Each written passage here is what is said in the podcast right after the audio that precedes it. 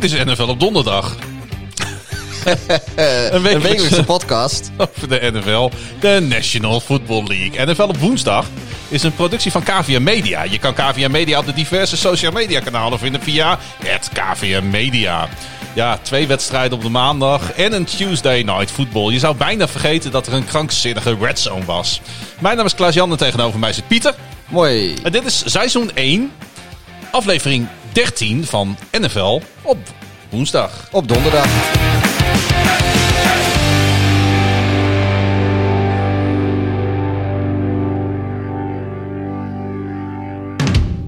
Maar als we op donderdag zijn, dan zijn we nog steeds NFL op woensdag. Ja, en eh, nog steeds even legendarisch. En, eh, en laat. En lang. Nou, lang, dat, dat moet nog blijken. Maar daar heb ik alle vertrouwen in dat ons dat ook deze week weer gaat lukken. En laat, dat hangt af van hoe laat men luistert. Maar voor ons is het al niet meer vroeg. Nou, je zou zeggen, als we dan zo laat. we- Volgens mij zijn we nog nooit zo laat. eh, is on- onze podcast nog nooit zo la- laat online gekomen. Na een speelronde. Maar dat had met verschillende zaken te maken. Ik denk dat onze trouwe luisteraar Lennart Bijshuizen wel eens gelijk kon krijgen. Dit is eh, NFL op woensdag en donderdag. Eh, Want het is nu nog woensdag. het is nu nog woensdag. Als maar wij, als wij klaar zijn, is het echt wel donderdag. Dan is het donderdag. En dan eh, komen wij voor het eerst, denk ik, eh, in onze geschiedenis op donderdag uit. Het is, er is niks aan te doen. We hebben ook nog een leven na, naast deze podcast. En we moesten voorbereiden en de studio moest opgebouwd worden. Noem het allemaal maar op. Eh, er moest nog meer gebouwd worden. Ons Zo- sociale leven moest afgebroken worden om dit, eh, dit allemaal mogelijk te maken voor jullie. Jij we doen het voor jullie, hè? we doen het niet voor ons, we doen het voor jullie, de luisteraars. Jij moest net boven op het toilet nog even ook nog wat bouwen, zodat eh, we nog later begonnen. Ik, ik begin het liefst leeg aan zo'n opname. Goed, laten we beginnen met aflevering 13 van NFL op woensdag. Eh, met de engagement die binnen is gekomen. En over engagement gesproken.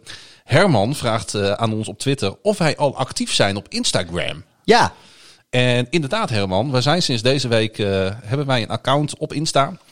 En er zijn al meer dan 100 mensen die ons daar volgen. ik denk dat Herman daar wel één van is, anders zou het me een beetje tegenvallen. Ja, ik ben heel, ik ben heel gericht. Ben ik mensen gaan volgen in de hoop dat zij ons terug gingen volgen. Dus het is niet Allemaal echt in- organisch hoe dit tot stand komt. Allemaal influencers. Ja, het is eigenlijk een beetje spam wat ik heb gedaan. Maar eh, wij vinden het leuk om eh, dat mensen naar onze podcast luisteren. Want eh, we maken het in eerste instantie voor onszelf. Maar we vinden het ook wel leuk als er iets meer mensen dan alleen wij zelf ook luisteren naar deze nu al legendarische podcast. Jawel. Dus volg ons op Twitter, Facebook en ook Instagram. hey, maar zie ik nou ook dat wij ook onze eerste vraag via Instagram Ja, hebben want ik kreeg een privébericht gelijk op Instagram van ene Jessie. J-E-S-S-Y. En die eh slide in onze DM's met de vraag: Het is enorm spannend in de AFC playoffs. Nou, dat klopt. Miami en Indianapolis staan 8-4 met één wedstrijd voorsprong op Las Vegas en Baltimore. Maar daarachter heeft New England ook nog maar één wedstrijd achterstand op Las Vegas en Baltimore. En nou zag ik dat Jesse trouwens Patriots fan was. Dus die heeft ergens nog hoop. Wie staan na week 17 in het naseizoen van deze aan elkaar gewaagde teams? Welke van deze aan elkaar gewaagde teams staan dus in het naseizoen van, deze, eh, van dit jaar? Nou, ik denk dat, eh, dat Las Vegas wel eens buiten de boot kan gaan piezen. Oké. Nou, die staan op dit moment eh, natuurlijk ook niet erin. Maar Nee, dat is het team wat trouwens op, op de achtste seat staat. Dus die Ja. staan er echt net buiten. ja, die, die zijn outside looking in. Maar ja, die hebben eh, sowieso moeten ze tegen, tegen de, de Colts komend weekend. Die zitten natuurlijk al wel eh, erin, met de zevende seed weliswaar. Beetje een do-or-die wedstrijd voor de, voor de Raiders, denk ik, hè? Ja, maar ik kijk, de, de Ravens die, eh, die volgen de Raiders op de voet. En die hebben een, in ieder geval op papier een wat makkelijker schema. Of dat, of dat ook daadwerkelijk zich gaat uitbetalen, dat moet nog blijken. Want dan moeten er nog zeker wat zeilen bijgezet worden in Baltimore. Maar eh, van de huidige teams eh, die zeg maar on the outside looking in zijn. En de bovenste vier zijn dan de Raiders, de Ravens, de Patriots en dan de Broncos. Nou ja, de Broncos en de... Ja, dit, dat, Nee, dat daar is hoeven te theoretisch. hebben.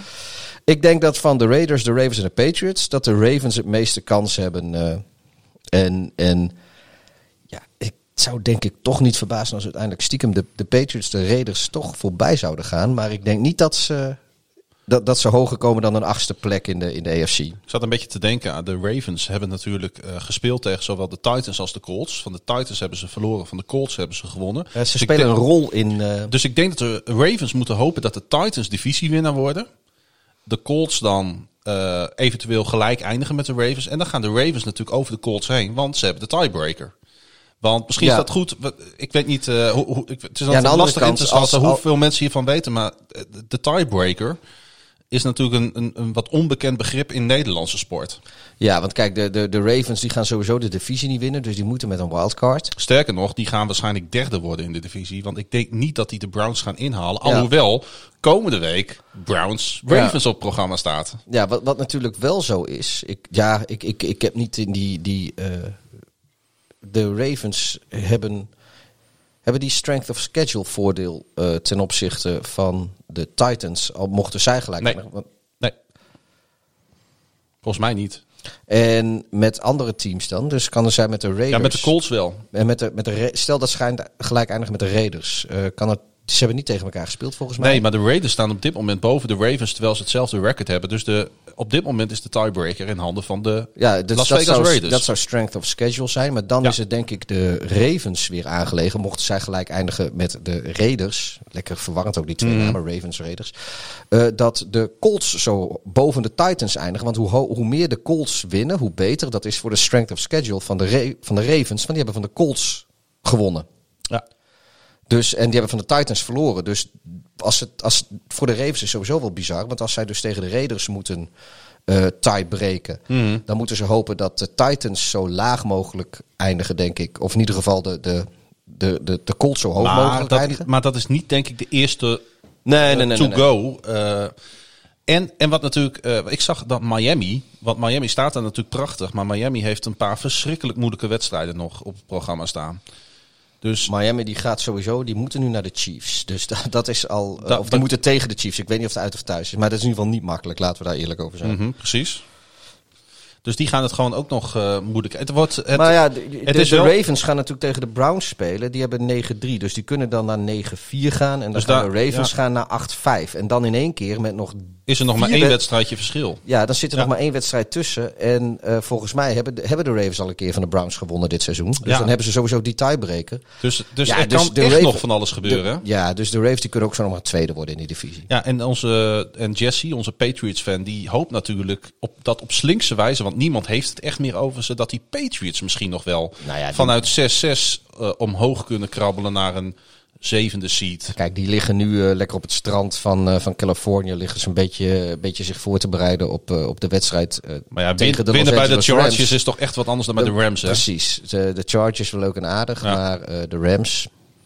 Maar goed. nee, maar zullen we dan concluderen dat die AFC-playoffs. Ja, die zijn in jaren niet zo spannend geweest. Want het was wel eens zo dat op de laatste speeldag de Ravens of de Chargers bijvoorbeeld nog naar de playoffs konden. Maar er zijn nu echt gewoon vijf, zes teams die gewoon ja, uh, niet voor elkaar onderdoen. En ze kunnen het allemaal nog, nog, nog worden.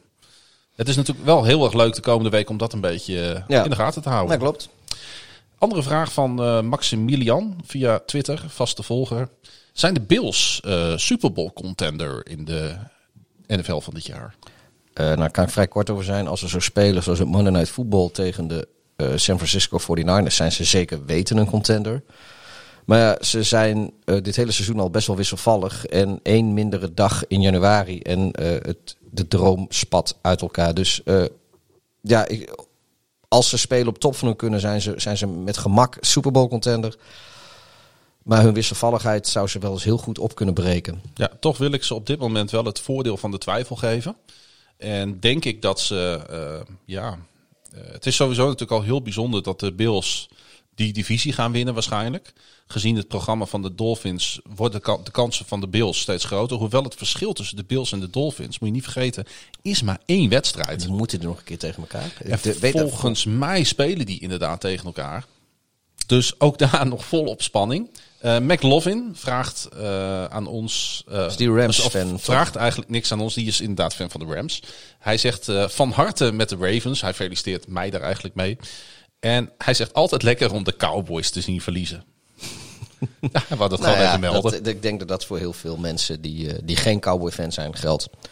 Ja, Was trouwens wel een leuke wedstrijd hè, om te zien. Ondanks uh, de, de eerste helft vond ik, vond ik leuk. De tweede helft uh, vond ik minder. Was de spanning er wel af, maar het begon inderdaad Ik weet nog dat leuk, ik in rusttijd tegen je, of tegen rust, om maar in ieder geval goed eind in de wedstrijd. Van, nou, voor, de, voor de relatief neutrale kijker, wat, wat ik was. Ja.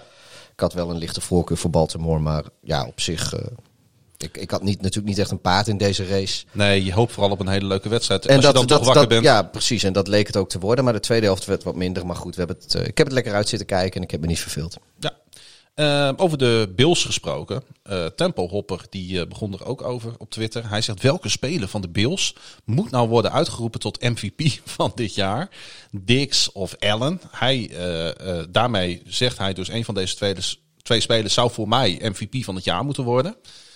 Um, ja, dat, voor, voor, voor, voor de Bills of voor de NFL of voor de AFC? Ja, dat is natuurlijk een beetje onduidelijk, maar... Voor, want ik, ik denk sowieso dat... Ja, het, ik, Mahomes is nog steeds frontrunner, ook al is die niet per se... Uh, uh, Lijkt mij ook, hè? Hij is niet zo goed als dat hij de afgelopen jaren ook wel eens was. De, de, de Chiefs zijn wat wisselvallig, maar Mahomes is wat mij betreft nog MVP frontrunner op dit moment. Sinds, sinds week 10 Wilson of het was het week 9. Mhm. Op een gegeven moment toen zakte Wilson een beetje door een ondergrens. Maar Allen is natuurlijk ook ja, een lot om naar te kijken. Ik, ja. ja ik snap wel dat de Bills uh, door verschillende volgers van ons uh, op dit moment genoemd worden. Want ja, uh, ze zijn gewoon heel nee, fijn. Ik, ik, ik vind, ik hij vind, zijn echt heel goed bezig. Ik, ik denk dat het Allen meer toekomt dan Dix. Hoe goed Dix ook is. Ik, Mhm. ik, je ziet dat, dat Allen meer uit Dix haalt dan dat Kirk Cousins dat deed. Ja, eens. Dus uh, in die zin zou ik zeggen dat, dat Allen lichte voorkeur heeft. Maar laten we niet doen alsof Dix geen rol van betekenis speelt in Buffalo. En ik vind het heel knap dat Allen uh, echt een niveau beter, een niveau hoger is gaan spelen nog dan vorig jaar. Er zit echt nog potentie in die jongen. Er zit echt groei in. Ja. Um, moet Judy een trade aanvragen indien hij volgend jaar geen betere quarterback tot zijn beschikking krijgt. En dan hebben we het over de wide receiver van de Broncos, die, als ik me niet vergis, in nou, de NFL-draft ja. als vijftiende gekozen werd dit jaar. Kijk, hij, uh, uh, in de, kijk, nee, ik denk Judy moet uh, lekker bij de, bij de Broncos blijven, want ik denk dat de Broncos de boer opgaan voor een nieuwe quarterback. Weer. Bovendien een trade van een speler die nog in zijn rookie jaar zit op zijn rookie contract. ja, de, de, de, Broncos winnen. Daar gaan zij de, natuurlijk nooit aan meewerken. Ja, nou, ja ten, tenzij de, de, de Broncos hier een, een dusdanige uh, shitload aan, aan draft picks of draft kapitaal mee krijgen dat ze weer wat verder omhoog kunnen traden. Uh, om uh, ja, zeg maar die, die, die top drie binnen, mm. te, binnen, te, wandelen, binnen te kunnen wandelen, zodat zij voor de echt goed geachte quarterbacks, dat ze daarmee kunnen doen. Alleen als dat gebeurt, heeft het zin, denk ik, om, om Judy weg te treden. En anders moet ze het gewoon niet doen. En nog een laatste vraag. En dan gaan wij verder met de show. Zoals wij dat altijd doen. Is Wentz nou zijn contract nou de slechtste deal in de geschiedenis van de NFL? Nou, uh, het ziet er heel ongelukkig uit. Ik, ik heb daar verderop in de als wij de, de wedstrijd van de Eagles gaan bespreken, dan heb ik daar nog wel een, een, een, een stukje over. Maar als je daar, daar komen we nog bij. Maar het, het Laten ziet we er wel echt, maar ja, het ziet er wel echt heel, heel ongelukkig komt, uit. Komt er een speler in jou op waarvan jij denkt van, hé, hey, als ik daar nou aan terugdenk, goh, wat was dat een slechte deal voor, voor die franchise? Weet je waar ik een beetje aan zit te denken? Ja, je had die speler bij de Washington, toen nog de Washington Redskins. Mm -hmm. uh, uh, was het Albert? Ik, ik weet zo niet meer hoe die heet, maar die, dat, dat was ook. Um... Nou, je mag het op zich opzoeken. Weet je, ik zat eerlijk gezegd, het klinkt misschien een beetje raar uit mijn mond, ik zat een beetje aan Joe Flacco te denken. Want die kreeg zo'n zak met geld uh, na zijn Super Bowl run en Super Bowl overwinning uh, toen de Ravens in, wanneer was dat nou? 2012 de Super Bowl wonnen. En daarna, ja, is het, was het, is het zo lang middelmatigheid geweest. En hebben de Ravens zo lang moeten wachten om weer een goede quarterback, uh, een nieuwe, frisse quarterback tot, tot zich te kunnen ja, maar draften. Ik, ik, ik, uh, ik, ik geloof niet dat, dat, het, dat, dat, dat Flecko door die ondergrens gegaan is als waar, uh, waar, waar vriend Kijk, ik Wens ben, nu doorheen gaat. Ik ben, op zich, ik ben op zich dol op Flecko, maar ja, maar daar zat zo verschrikkelijk veel geld zat aan vast aan dat contract. Dat ik dacht van, ik, ik vind niet Vlecko eh, een hele slechte speler. Maar ik, vind het wel, ik vond het wel een heel slecht contract. Even kijken. Het, eh, wat ik net bedoelde bij de eh, toenmalige Washington Redskins, Ja. tegenwoordige Washington voetbalteam, eh, Albert Hainsworth. Dus ik zat goed met Albert. Oh, ja, Eh, Hainsworth. Albert Hainsworth. Die heeft Ja. toen een 100 miljoen dollar contract getekend voor eh, zeven, zeven jaar. Dat was in, in, in 2009 off-season. Ja. Ehm, hij had zelfs meer kunnen krijgen bij de Tampa Bay Buccaneers. Maar goed, ehm, uiteindelijk heeft hij helemaal niks eh, ervan waar kunnen maken. Nee. En hij is jarenlang is hij eh, cap space technisch echt een molensteen om de, om de Washington franchise eh, gewe- de nek van de Washington franchise geweest. Dus dat, was, eh, dat is een speler die mij zo te binnen schiet. Waarvan ik zeg van joh, dat was echt. eh, Ik heb er ook nog wel een van dit jaar.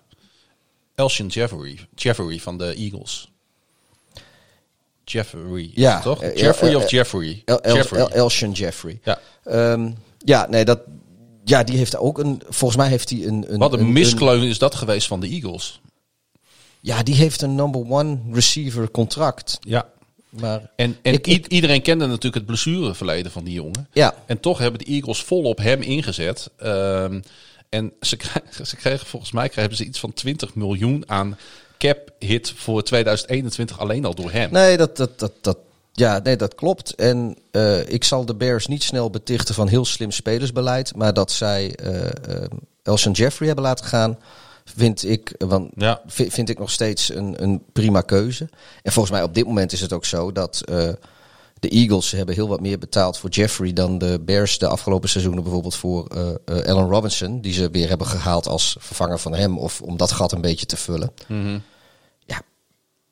Maar Elson Jeffrey is inderdaad ook niet de beste. Maar ik denk dat Albert Hainsworth eh, misschien wel de geschiedenis gaat als een van de slechtste contracten ooit in de. En er komt nog iemand in mij op en dat is CJ Mosley, de linebacker van de Jets.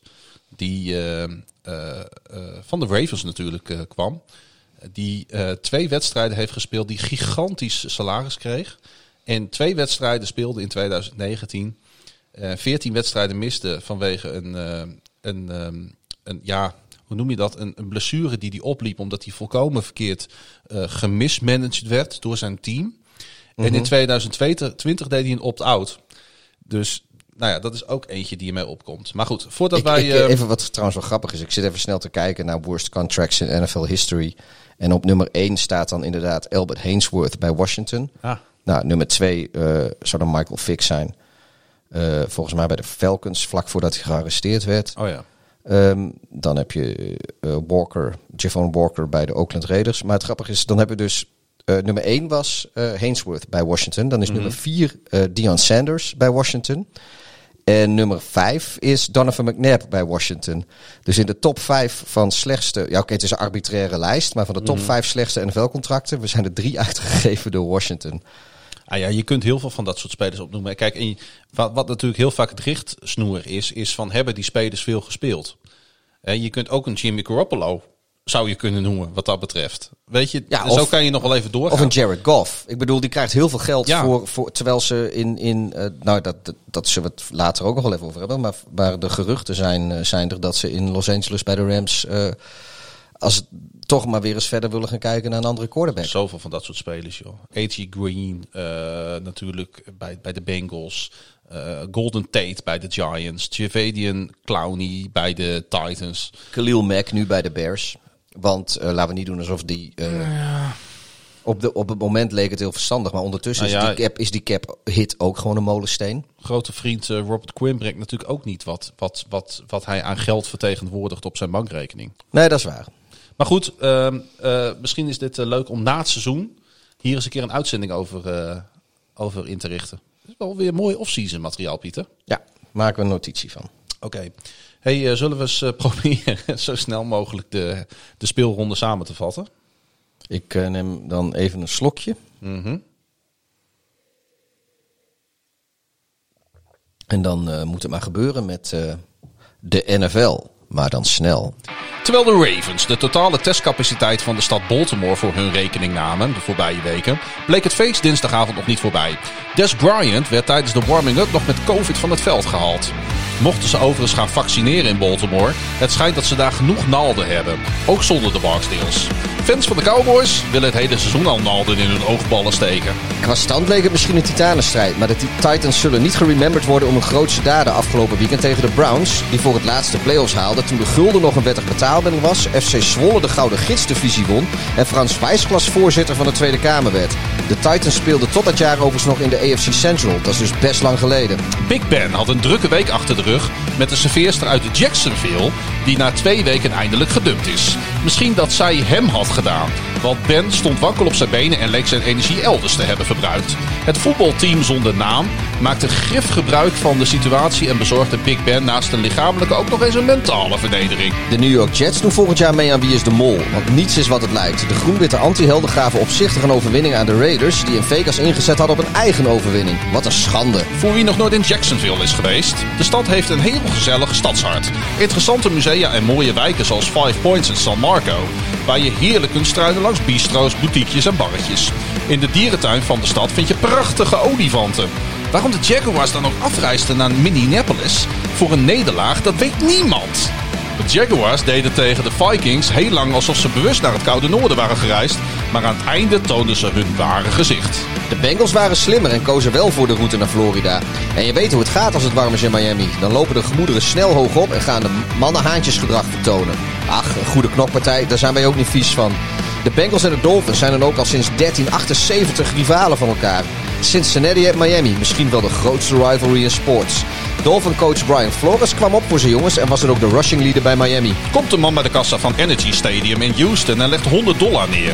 Prima, zegt het meisje achter de kassa. Wilt u een seizoenkaart of een speler? Het zou bijna echt gebeurd kunnen zijn bij de Texans, die ook deze wedstrijd zichzelf er eens de nek omdraaiden. De Colts die reden met een overwinning op zak de, in de Mitsubishi. De Mitsubishi? Ja, weer naar huis. Snap, snap je hem? Mitsubishi? Mitsubishi? Mitsubishi? Mitsubishi Colt. Oh, ze noemen Chicago ook wel de City of Love. Me dunkt, want Chicago heeft vooral liefde voor andere teams dit seizoen. Want ze zijn nu echt alles aan het weggeven. Het kan zich geen reet meer schelen bij de Bears en dus kunnen de Bears mij ook weinig meer schelen. Het enige leuke aan de Lions Bears is dat, ze op, dat, het, op de ene, dat het de op ene oudste rivalry in de NFL is. Je hebt er niets aan, maar het is wel een feit en het leven zit vol met dat soort dingen. Voor de meeste mensen is Atlanta niet meer dan een overstapplek. Even van vliegtuig wisselen en door. Voor de Saints was het niet anders. Ook zonder Drew Brees bleek de uitwedstrijd bij de Falcons een tussendoortje voor de vlucht van New Orleans naar New Orleans. Russell Wilson is wel even klaar met het bereiden van een feestmaal. Allemaal leuk en aardig, je eigen koker op de markt brengen. Maar wanneer je thuis van de Giants verliest, is er opeens bitter weinig te lachen in Seattle. Die zo'n grote appel niet weg konden werken. Iedereen is wel eens op vakantie geweest in zo'n grijze barak van Center Parks. Je verheugt je er toch op, terwijl je weet dat het gaat tegenvallen. En zo zijn de Cardinals van dit seizoen ook. Telkens als je je erop verheugt, valt het tegen. De Rams, die spartelden vrolijk rond in het subtropisch zwemparadijs, gingen gierend door de wildwaterbaan, aten een patatje en wonnen ondertussen van het Center Parks in de NFL. De Chargers zijn een beetje die verslaafde die een overdosis net aan overleeft en wakker wordt in zijn eigen uitwerpselen. Rock bottom dus. Want zo kun je een 45-0 nederlaag in eigen huis tegen de Patriots, die niet eens een winning record hebben, wil noemen. Overigens kregen ze ook nog een trap na en spuugden de Patriots de Chargers in het gezicht en pakten ze ook nog eens een kartonnen doos af. Op 10 december 2017 scheurde Carson Wentz zijn kruisband, uh, kruisband af. Op 9 december 2018 brak hij bijna zijn rug. En op 8 december 2020 werd Wentz gebenched. Ik denk dat op 7 december 2021 Wentz nog steeds op de bank zit.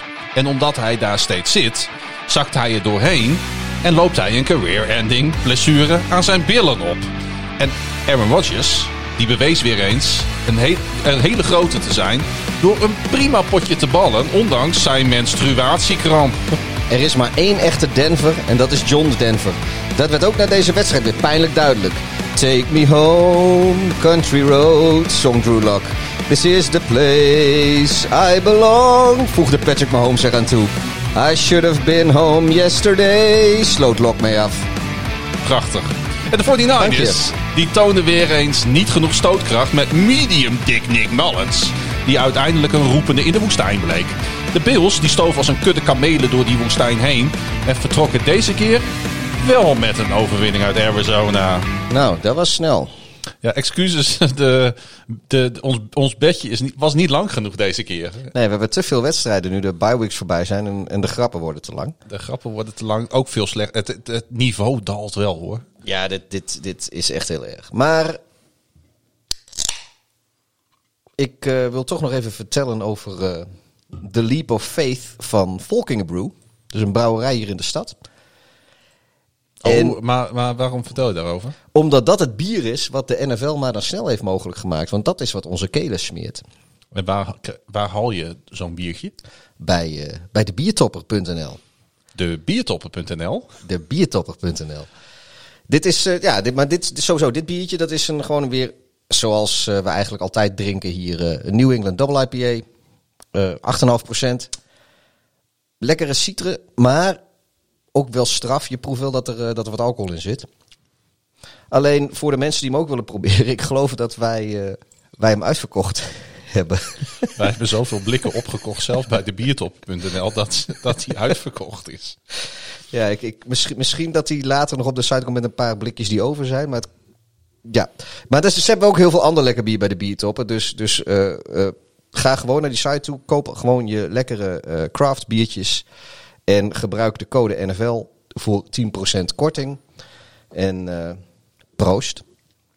gaan wij eh, naar de Monday Night Football. Want traditiegetrouw is dat de wedstrijd waar wij mee aftrappen. En dat was de wedstrijd tussen de Buffalo Bills en de San Francisco 49ers. 34-24. Wedstrijd die gespeeld werd in Glendale, Arizona. Oh ja, want eh, de Niners die mogen natuurlijk niet, niet in eigen huis voetballen. Die mogen niet in hun eigen huis voetballen. En wij Ik was het al echt wel helemaal vergeten. Terwijl ik daar vorige week nog een grap over maakte in de NFL, maar dan snel. Zij mogen eh, de komende weken, ik dacht eh, de komende drie, vier weken. Dus dat betekent dat, dat zij het hele reguliere seizoen geen enkele wedstrijd meer spelen in hun eigen stadion in Santa Clara.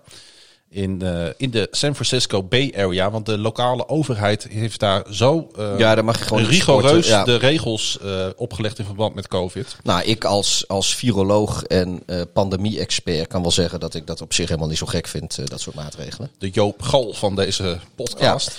Maar wat ik me afvraag, misschien dat jij dat weet, het schiet, me- komt me zo in één keer, komt dat bij me op. Mogen Ja. ze in, in Glendale, Arizona, wel publiek in het stadion hebben? Een beetje. Nee, Helemaal nul ook? Nee, zowel de Cardinals als de 49ers hadden geen eh, publiek bij Oké, ja, net kon zijn dat als ze daar een paar duizend man binnen mochten hebben, dat in één keer al die Niners... Dat je een hele eh, reisbeweging krijgt. ja. Ja. Want Nou, het maar- is wel te rijden op zich.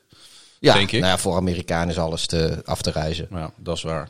Ehm, ik heb wel een eh, leuk, leuk statistiekje. Moet daar ook een muziekje onder? Nou, ik geloof dat we dat nu niet voorbereid hebben, maar misschien ooit dan kunnen we daar Oh ja. wel een. eh, Ik sta nog in mijn script, maar we hadden hem geschrapt als biertopper van de week. Dat is ook zo. ja. ja, nee. eh, oh ja, dat zal ik ook. Eigenlijk zou eh, eh, Bills quarterback Allen die zou de biertopper van de week worden, maar we hebben gaandeweg, nadat wij wat analyseerden wat er dit weekend allemaal gebeurde in de NFL, vonden wij iemand waarvan de prestatie ons nog meer kon bekoren. We houden het nog even geheim. Blijf dus vooral luisteren. Maar eh, ik wil eigenlijk de, over Kyle Shanahan en eh, zijn San Francisco 49ers. Mag ik trouwens zeggen dat ik heel erg blij ben dat jij je zo goed hebt voorbereid. Want ik heb een eh, nogal drukke week. Ja, we hebben het, we hebben het normaal- allemaal. Ja, nee, maar En uit. normaal heb ik een script van, van 8, 9 pagina's. Maar mijn script is nu maar drie pagina's. dus ik ben heel erg blij dat jij wel een uitgebreid script hebt gemaakt. Waarvoor dank. Ja, nou, ik wil... Daar heb je een co-host voor. Precies. Mag ik nu mijn statistiekje eh, wereldkundig maken? Nou, touw maar, mijn jong. Als de eh, San Francisco 49ers onder Shanahan op enig moment in de tweede helft zeven punten of meer achterstand hebben, zijn ze 0-24. Dus het zijn bepaald geen, eh, geen comeback kids daar. Nee. Ook niet in Arizona. Nee. Nou, dat is eigenlijk alles wat ik over de Niners heb. De rest wat ik heb gaat over de Bills. Het verbaast mij trouwens niet helemaal, want het is wel een beetje hoe de 49ers spelen. Het is een beetje een soort van alles of niets. eh. de ene wedstrijd denk je van, oh, oh, Nou, het is oh, dit ziet er toch wel aardig Als uit. jij in de tweede helft eh, een touchdown achter staat of meer, dan moet je door de lucht. En met alle respect voor Jimmy Garoppolo en de en en ja, dat, dat, daar zijn ze niet echt op gebouwd. En Mullins? Ja, nou ja, goed. eh, kijk, van die 24 wedstrijden, dus ik, ik is dan ook een groot deel door eh Garoppolo. Maar dat hele team, dat is niet echt, het is niet een, een air raid team Nee. of zo. Nee. Het is, het moet vooral over de grond. Dat geldt eh, wel voor de tegenstander, de Buffalo Bills. Die, nou, ik, ik, ik, ja, ik vond toch wel een van de. Ik vond dat Josh Allen toch wel echt een van de beste wedstrijden in zijn Dit- nog ja. relatief jonge loopbaan speelde. Dat was eh, in dit seizoen was het zijn eh, vierde wedstrijd met minimaal 300 eh, passing yards en drie touchdowns. Eh, daarmee passeert hij Jim Kelly en eh, Drew Bledsoe. ja. Kelly deed in 91, Bledsoe in 2002. En is hij de enige Bills quarterback die dit bereikte. Dat is eh, mooi, want hij speelde ook echt een goede wedstrijd. Dus dat er een, een statistisch kroontje op gezet wordt is prima. Want eh, de Bills eindigen ook een 21-jarige streak van niet winnen op eh, primetime Monday Night Football. En jij weet vast wel wanneer de laatste keer dan was dat ze wel wonnen en van wie. Nou, ik heb dat onder in beeld zien staan tijdens de wedstrijd. Het was in 1999. En volgens mij was het een overwinning op Miami. Als ik me het goed herinner. Dat, eh, dat is wat ik hier heb staan, dus ik ga ervan uit dat dat klopte. Ehm, Dat wist ik natuurlijk niet uit mijn hoofd, maar dat Niet. wist ik doordat eh, ook natuurlijk net de networks dat altijd keurig in beeld brengen bij de NFL. Dat soort statistiekjes. ja, ik, en, en nou, ik, ik noemde net dat eh, arbitraire van eh, 300 passing yards en drie touchdowns. Kijk, Allen kwam gewoon weg met 375 passing yards en vier touchdowns. Dus Ja. hij heeft het ook niet. Weet je, hij heeft het ook gewoon echt stukken beter gedaan, vind ik. Dan, Ja, maar goed, als je dan die iemand- statistiek zegt. Als je iemand als Jim Kelly, ik denk Nou, Jim de Kelly- allergrootste Bills-legende die er is. Qua van, van Qua statuur is er niemand groter in Buffalo dan Jim Kelly. als, als quarterback sowieso niet. Nee. En kijk, O.J. Simpson die heeft natuurlijk zich een beetje vergalopeerd Nee, eh, maar. Ke- Kelly die wordt nog altijd als hij in Buffalo. Ja. Hij woont, hij is daar ook gaan wonen. Weet ik. Hij liever als ik. Ja, nou ja, weet ik niet. Hij, hij voelt zich. eh, hè, die, die prachtige documentaire was laatst weer op Fox Sports.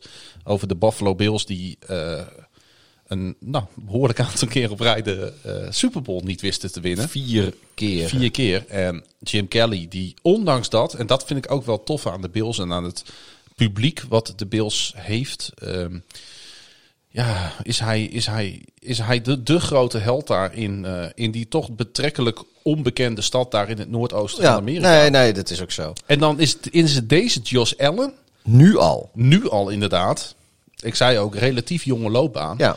die gewoon nu al deze, deze grootheid voorbij streeft. Ja, nee, dat in ieder geval eh, eh, op een één seizoen prestatie. Kijk, als, als dit. Kijk, als, als het playoff avontuur van de Bills. Want dat ze de playoffs gaan spelen, is denk ik wel zeker. Ja. Eh, maar als dat eindigt in tranen ergens in de, in de eerste of tweede, tweede wedstrijd die ze spelen. En daarna komen ze er met Josh Allen nooit weer. Dan, dan blijft Kelly natuurlijk de held. Maar eh, nou ja, wat we met die eh, kijkersvraag van. wie vroeg dat? Maximilian? Eh, ja, kijk, als ze gewoon dit niveau een beetje aanhouden, dan kunnen ze echt die Super Bowl ook wel halen. Je moet, een beetje geluk hebben, moet je, zo, moet je altijd hebben.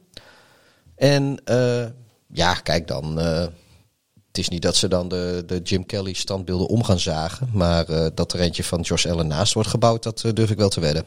Ik moet wel zeggen, en het is heel flauw om dat te doen in de NFL, maar het is wel ook het moment in het seizoen dat, dat dit zich een beetje gaat aandienen. Het was wel tegen de 49ers. Weet je, met al die blessuregevallen. Die juist weer aan het terugkomen zijn. Ja, maar op de positie van slot cornerback, dus niet quarterback, maar cornerback, ehm, hadden zij eh, volgens mij, wat ik heb gezien, vier blessures. Dus de eerste slot cornerback Ja, was er dan- niet, de tweede niet, de derde niet en de vierde op, het, dus op de dan- depth chart ja, ook niet. Dus dan, dat betekent dat je verdediging tegen, tegen, tegen passes, tegen, tegen spel door de lucht, is dan behoorlijk gemankeerd. ja, Ja, nee, dat, dat, dat, dat zal. Eh, kijk, dat hebben we natuurlijk ook al eh, gezegd eh, op de vraag van Maximilian. Tenminste, ik, dat, dat, ja, en dat is ook zo, jij, jij beaamt dat. de Bills zijn wisselvallig. ja. Willen zij potten breken, dan moeten ze zo spelen als afgelopen maandag. Maar ik geloof nog niet dat zij dat structureel kunnen doen. Het is, ik ben, ik, ze moeten eerst maar zorgen dat ze, dat ze dit niveau vast weten te houden tot en met Maar- week 17. Wat ik zei, en ik wil dat graag nog een keer herhalen dan. Ik vind op dit moment verdienen ze het voordeel van de twijfel. Ja, ze, ze, ze gaan gewoon aan kop in hun divisie. En eh, ja, er, er is gewoon weinig af te dingen ook op hun record. Ze, hebben, ze hebben een paar wedstrijden verloren, maar ze hebben ze- ook hele lastige wedstrijden gewonnen. Zijn ze na de Steelers en de Chiefs het beste team in de AFC? Zijn ze de best of the rest? Of zijn dat de Browns? Nou, dan zit je dus een beetje met, eh, met, met die wisselvalligheid en die vorm van de dag. Want eh, ook de Browns vind ik wisselvallig. En, eh, maar ik denk als ze allebei op het, op het, en als ze allebei op het beste van hun kunnen spelen, krijg je een hele leuke wedstrijd. En ik durf echt niet te zeggen wie er dan gaat winnen. Nee. Het lijkt mij eigenlijk dat dat Eh, alle respect voor de Chiefs en de Steelers. Maar een AFC Championship game tussen de Browns en de Bills. Los van het affiche dat niemand ooit had durven denken dat dat nog eens zou gebeuren. Maar als, als, als die wedstrijd ergens gespeeld wordt. En dan is het ook nog zonder publiek. Dus een beetje neutraal terrein, zeg maar. Ja, als die dan allebei eh, op top van hem kunnen spelen. Dan ga ik echt voor zitten. Dat lijkt me echt zo'n leuke wedstrijd. Ja. Ja, of het wordt een enorme drol. Dat kan natuurlijk ook. Maar ik, Ja, want dat, dat soort wedstrijden hebben met name de Browns ook al gespeeld. En de Bills hebben ook al een paar in ja, in- weet je, in- er wordt er denk ik 7-3 collapses ja, gehad. 7-3 of zoiets, Ja. weet ik veel. Eh, hoe dan ook, eh, de Bills zijn lekker bezig en, eh, in die divisie. En wie toch ook stiekem een heel klein beetje op de deur aan het kloppen zijn, dat zijn de New England Patriots. Hè, we hadden het er al even over, die met 45-0... Noem het maar een beetje op de deurklop. Ik geloof dat ze bij de Chargers zoiets hadden van, nou, van mijn hele deur, hele voorgevel is niks meer van over. Ja, ik, ik, ik heb echt met stomme verbazing naar deze wedstrijd zitten te kijken en naar de einduitslag. Ik, Dat, dat de Patriots dat zouden winnen, eh, had ik wel voorspeld. ik volgens mij niet. Nee. En ik, ik ben eh, voor het eerst in, eh, in lange tijd tegen de Chargers had ik voorspeld. Maar dat het vij- 45-0 doen normaal, man. Dat, dat verwacht je sowieso van geen enkele wedstrijd in de hedendaagse NFL. Nee. Hey, eh, is dit dan... Ja, we hadden het bij Chiefs Jets misschien verwacht of zo, zoiets. Maar Ja, ja. En, Niet- zelfs niet daar, en zelfs daar gebeurt het niet. Nee, natuurlijk niet. Ehm, is dit dan een soort van motie van eh, wantrouwen ook naar die coach, die Lin toe, van de spelersgroep van de Chargers? Dat je zo, het zo laat lopen, is dat dan een bewustie? Nou, ik, ik denk dat het... eh, In eigen huis ook nog, hè? Ja, mijn leeg huis. Nee, oké, maar... Ik denk dat. Nee, ik, ik weet niet of dat een motie van wantrouwen is. Kijk, het, als, het, als het niet loopt. Het is dan, toch niet normaal om met 45-0 te verliezen? Dat is één. En dan ook nog eens van de New England Patriots. Ja, maar kijk, de Patriots, dat is onder, de Patriots onder Belichick zijn altijd al een team geweest dat eigenlijk de voet nooit van het gas haalt. Heel veel teams, als die dik aan het winnen zijn, dan eh, gaan ze op een gegeven moment nemen ze gas terug, want, want het hoeft niet meer zo nodig. Ze gaan wat, met wat meer ruimte spelen. Ze geven ook wat weg. Er komen garbage touchdowns tegen. eh, whatever. De Patriots zijn eigenlijk nooit echt dat team geweest om dat te doen. En eh, als hooguit dat ze wat starters uit zo'n wedstrijd halen in het vierde kwart. En dan krijg je in één keer van die backups die zich ook willen bewijzen. Dus dan Ja. gaan ze vrolijk door met proberen te scoren. En dat was nu, nu ook weer zo. Er zaten ook een paar van die, weet je, ken je dat, van die per ongeluk touchdowns bij. Ja. Want er waren ook twee eh, eh, touchdowns van de special teams. En dat zijn altijd touchdowns die ontstaan, Ja, ja, Maar je kan omdat het- er gewoon een keer een bal ergens van een voet afspringt, als weet je je, wel. als je die vergelijk, als je de, je kan een vergelijking trekken eigenlijk met het gewone eh, voetbal. Als een team niet lekker in de wedstrijd zit en eh, eh, dingen lukken niet, dan lijkt het alsof ze maar op 80% inzet spelen, Ja. omdat ze overal een stap te laat zijn. Terwijl ze misschien wel 110% geven. Eh, maar het lijkt alsof ze er met de pet naar gooien. Want, want als niks lukt, ben je overal te laat. Ben je, kom je net tekort, mislukt die tackle. Mislukt en dat is denk ik hier ook een beetje het geval geweest. Ik geloof niet dat de Chargers-spelers er per se met de pet naar gooiden. Maar het was niet hun dag, niks lukt. En eh, dan ga je proberen wat te forceren, waardoor Ja. het En, dan leid je, en dan leid je de grootste nederlaag in de geschiedenis van de franchise op een verdwaalde zondagmiddag tegen de Precies. Patriots. En de Patriots, die had natuurlijk nul druk. Die konden helemaal vrij uit spelen. Want eigenlijk liggen ze er al af voor, eh, voor dit seizoen. Maar ook weer niet. Nee, in één keer niet meer. Nee, want, nou ja, goed. eh, nou, maar ja, Nee, maar weet je, de, de, niemand verwacht van de Patriots dat ze nog even de postseason binnenwandelen. Nee. En, en dus die konden gewoon vrij uitspelen. Zonder druk. Ja, eens. Weet je trouwens eh, de hoe, hoeveelste wedstrijd dit van Bill Belichick was? De derde. Die was de derde wedstrijd die hij met 45-0 won. Nee, hoeveelste, nee, doe eens een gok. Wat, wat, heb je enig idee? Hoeveelste wedstrijd als headcoach was dit voor Bill Belichick? Headcoach, hè? Ja. Volgens mij is hij headcoach sinds begin jaren 90. Mhm. Dus 30 jaar. 500? 455.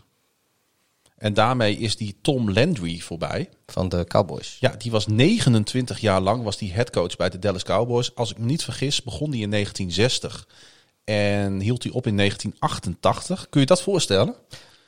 Oh, sorry. ik begin ervan te hoesten. Ja, nee. eh, eh, Landry. Landry. En Ja. die, en die, want dat is echt, dat is natuurlijk Landry een staat weer in de, NFL. Ja, nee, maar Landry die staat, want dat is, ik heb die gegevens nu niet bij de hand, maar volgens mij heeft eh eh Darch dat getweet tijdens nou, dat kon wel eens. Welke wedstrijd was dat? Hij heeft dat dit speelweekend heeft hij dat getweet in elk geval. Oké, heb ik gemist. de winningest coach in de NFL. Dat Ja. Bill Belichick. eh, dat hij nu volgens mij is hij, dat hij de top 4 in ieder geval. En dat stond inderdaad Landry stond daarin. Ik En weet ook niet wie- Belichick weet en niet wie George. Hellis. Hellis en, natuurlijk, ja. eh, en op dit moment stond Hellis nog op één. Maar volgens mij is Belichick is hard op weg om die ook in te halen. Want Hij staat, nu, hij staat nu in ieder geval derde, Belichick. Ja, met totaal aantal wedstrijden als Ja, coach. ja. ja, maar volgens mij is hij tweede wat betreft winstpercentage. En het totaal aantal wedstrijden, ja, ik, ik weet niet precies hoe het met wedstrijden zit. Met jaren, daar moet hij nog even aan. Want ik Nou, geloof dat, dat die George Ellis die heeft 40 jaar op zijn naam staan. Het was ook niet mijn bedoeling om hier heel lang bij stil te staan. Maar ik vond het gewoon... Ik dacht van, ja, eh, eh, weet je, we- we hebben het wat minder over Bill. Omdat de Patriots een beetje Ja. meer meer zijn. Nou, dan maak ik het helemaal goed. Ik heb ook nog een Bill Belichick statistiek. Nou, kom maar door. Bill Belichick is de eerste coach in de geschiedenis van de NFL... die in 50 verschillende NFL-stadions een wedstrijd gewonnen heeft sinds deze keer. En dan van de huidige stadions mist hij er eh, op Amerikaans grondgebied twee. Ja. Heb je enig idee welke dat zijn?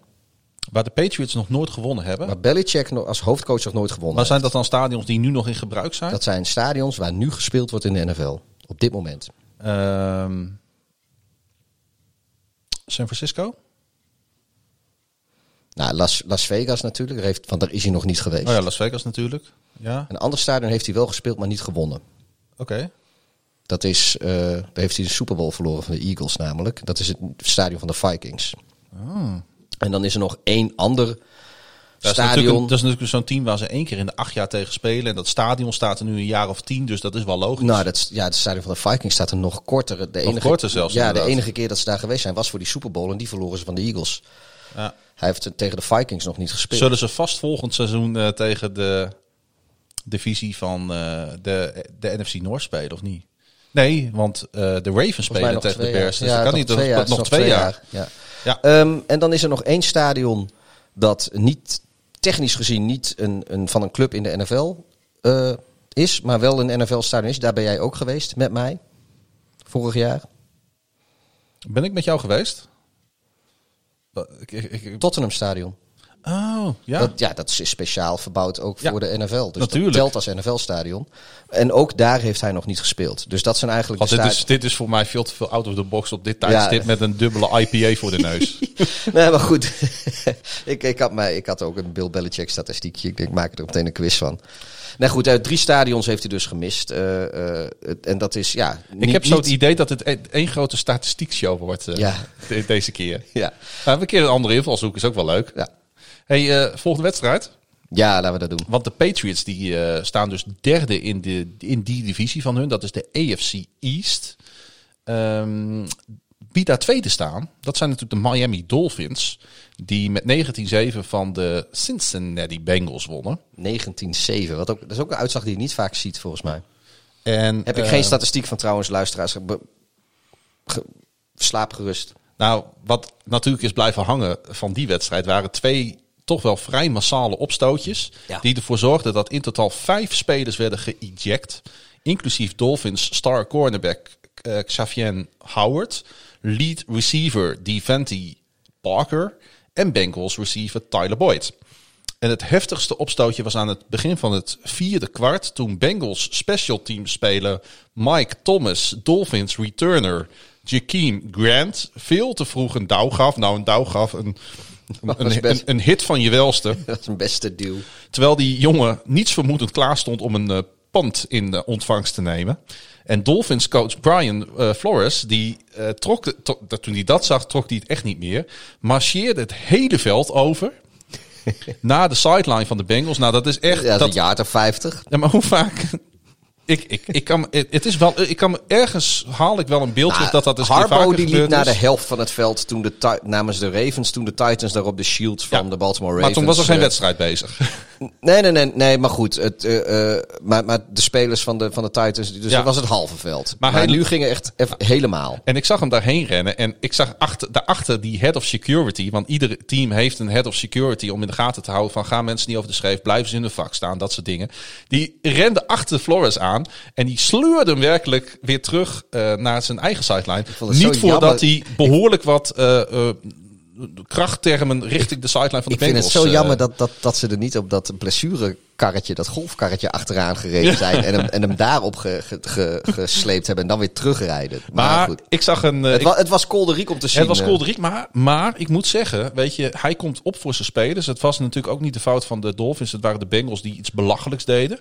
En na de De wedstrijd... geest van, eh van Burf, Burf, shit, Burf, Burf, shit, Burf, Burf, shit, Burf, Burf. Oh, whatever. Ga verder met je verhaal. Nou, na de wedstrijd waren er echt vier, vijf spelers die eh, naar reporters toe gingen, doelbewust, om hun steun ook uit te spreken voor hun headcoach.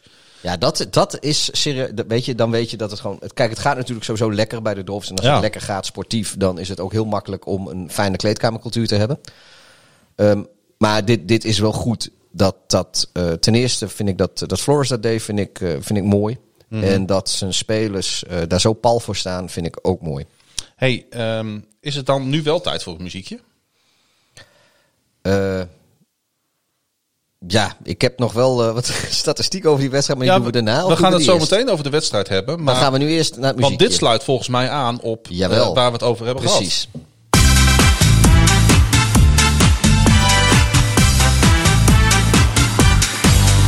Weet je wat mooi is?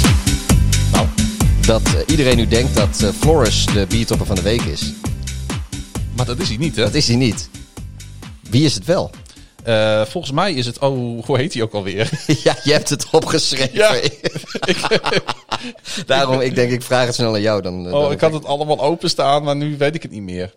Ehm, we, gaan, we gaan even luisteren naar de biertoppen. Ja, en dan gaan we daarna vertellen wie het was. We gaan luisteren, mensen. Ik eh, gooi de knop even open en we gaan luisteren naar de biertopper van de week.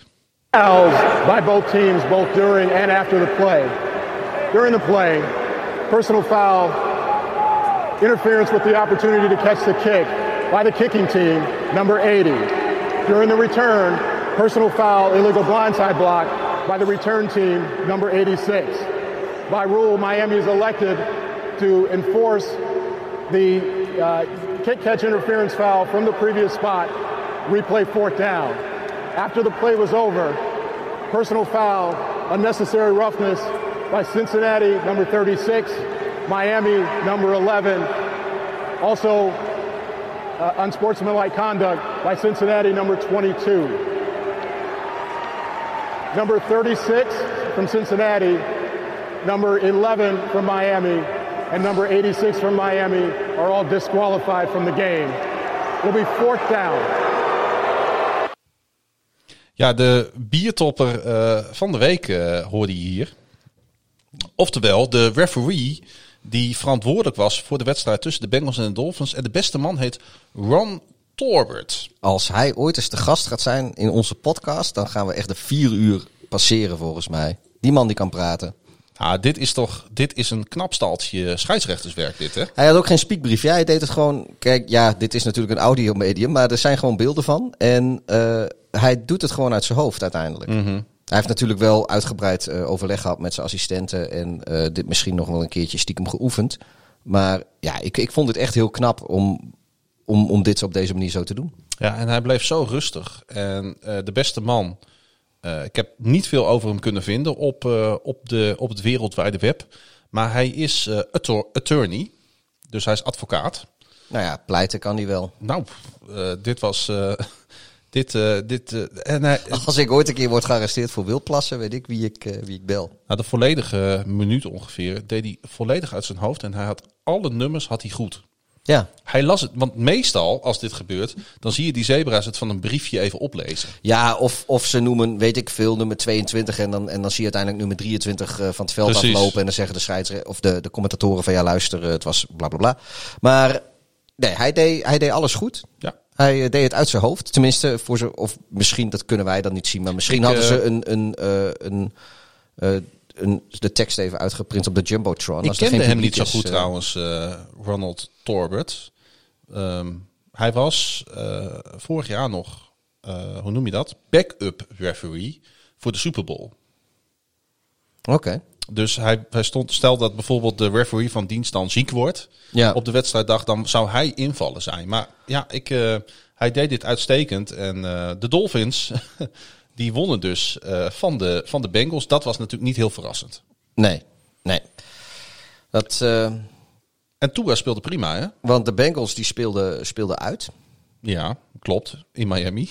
en eh Zach Dan Taylor. speel je uit als ja, je de nee, want, bent. kijk, ik, dit, ik ben bezig om naar mijn, mijn statistiekje toe te gaan. Oh jee.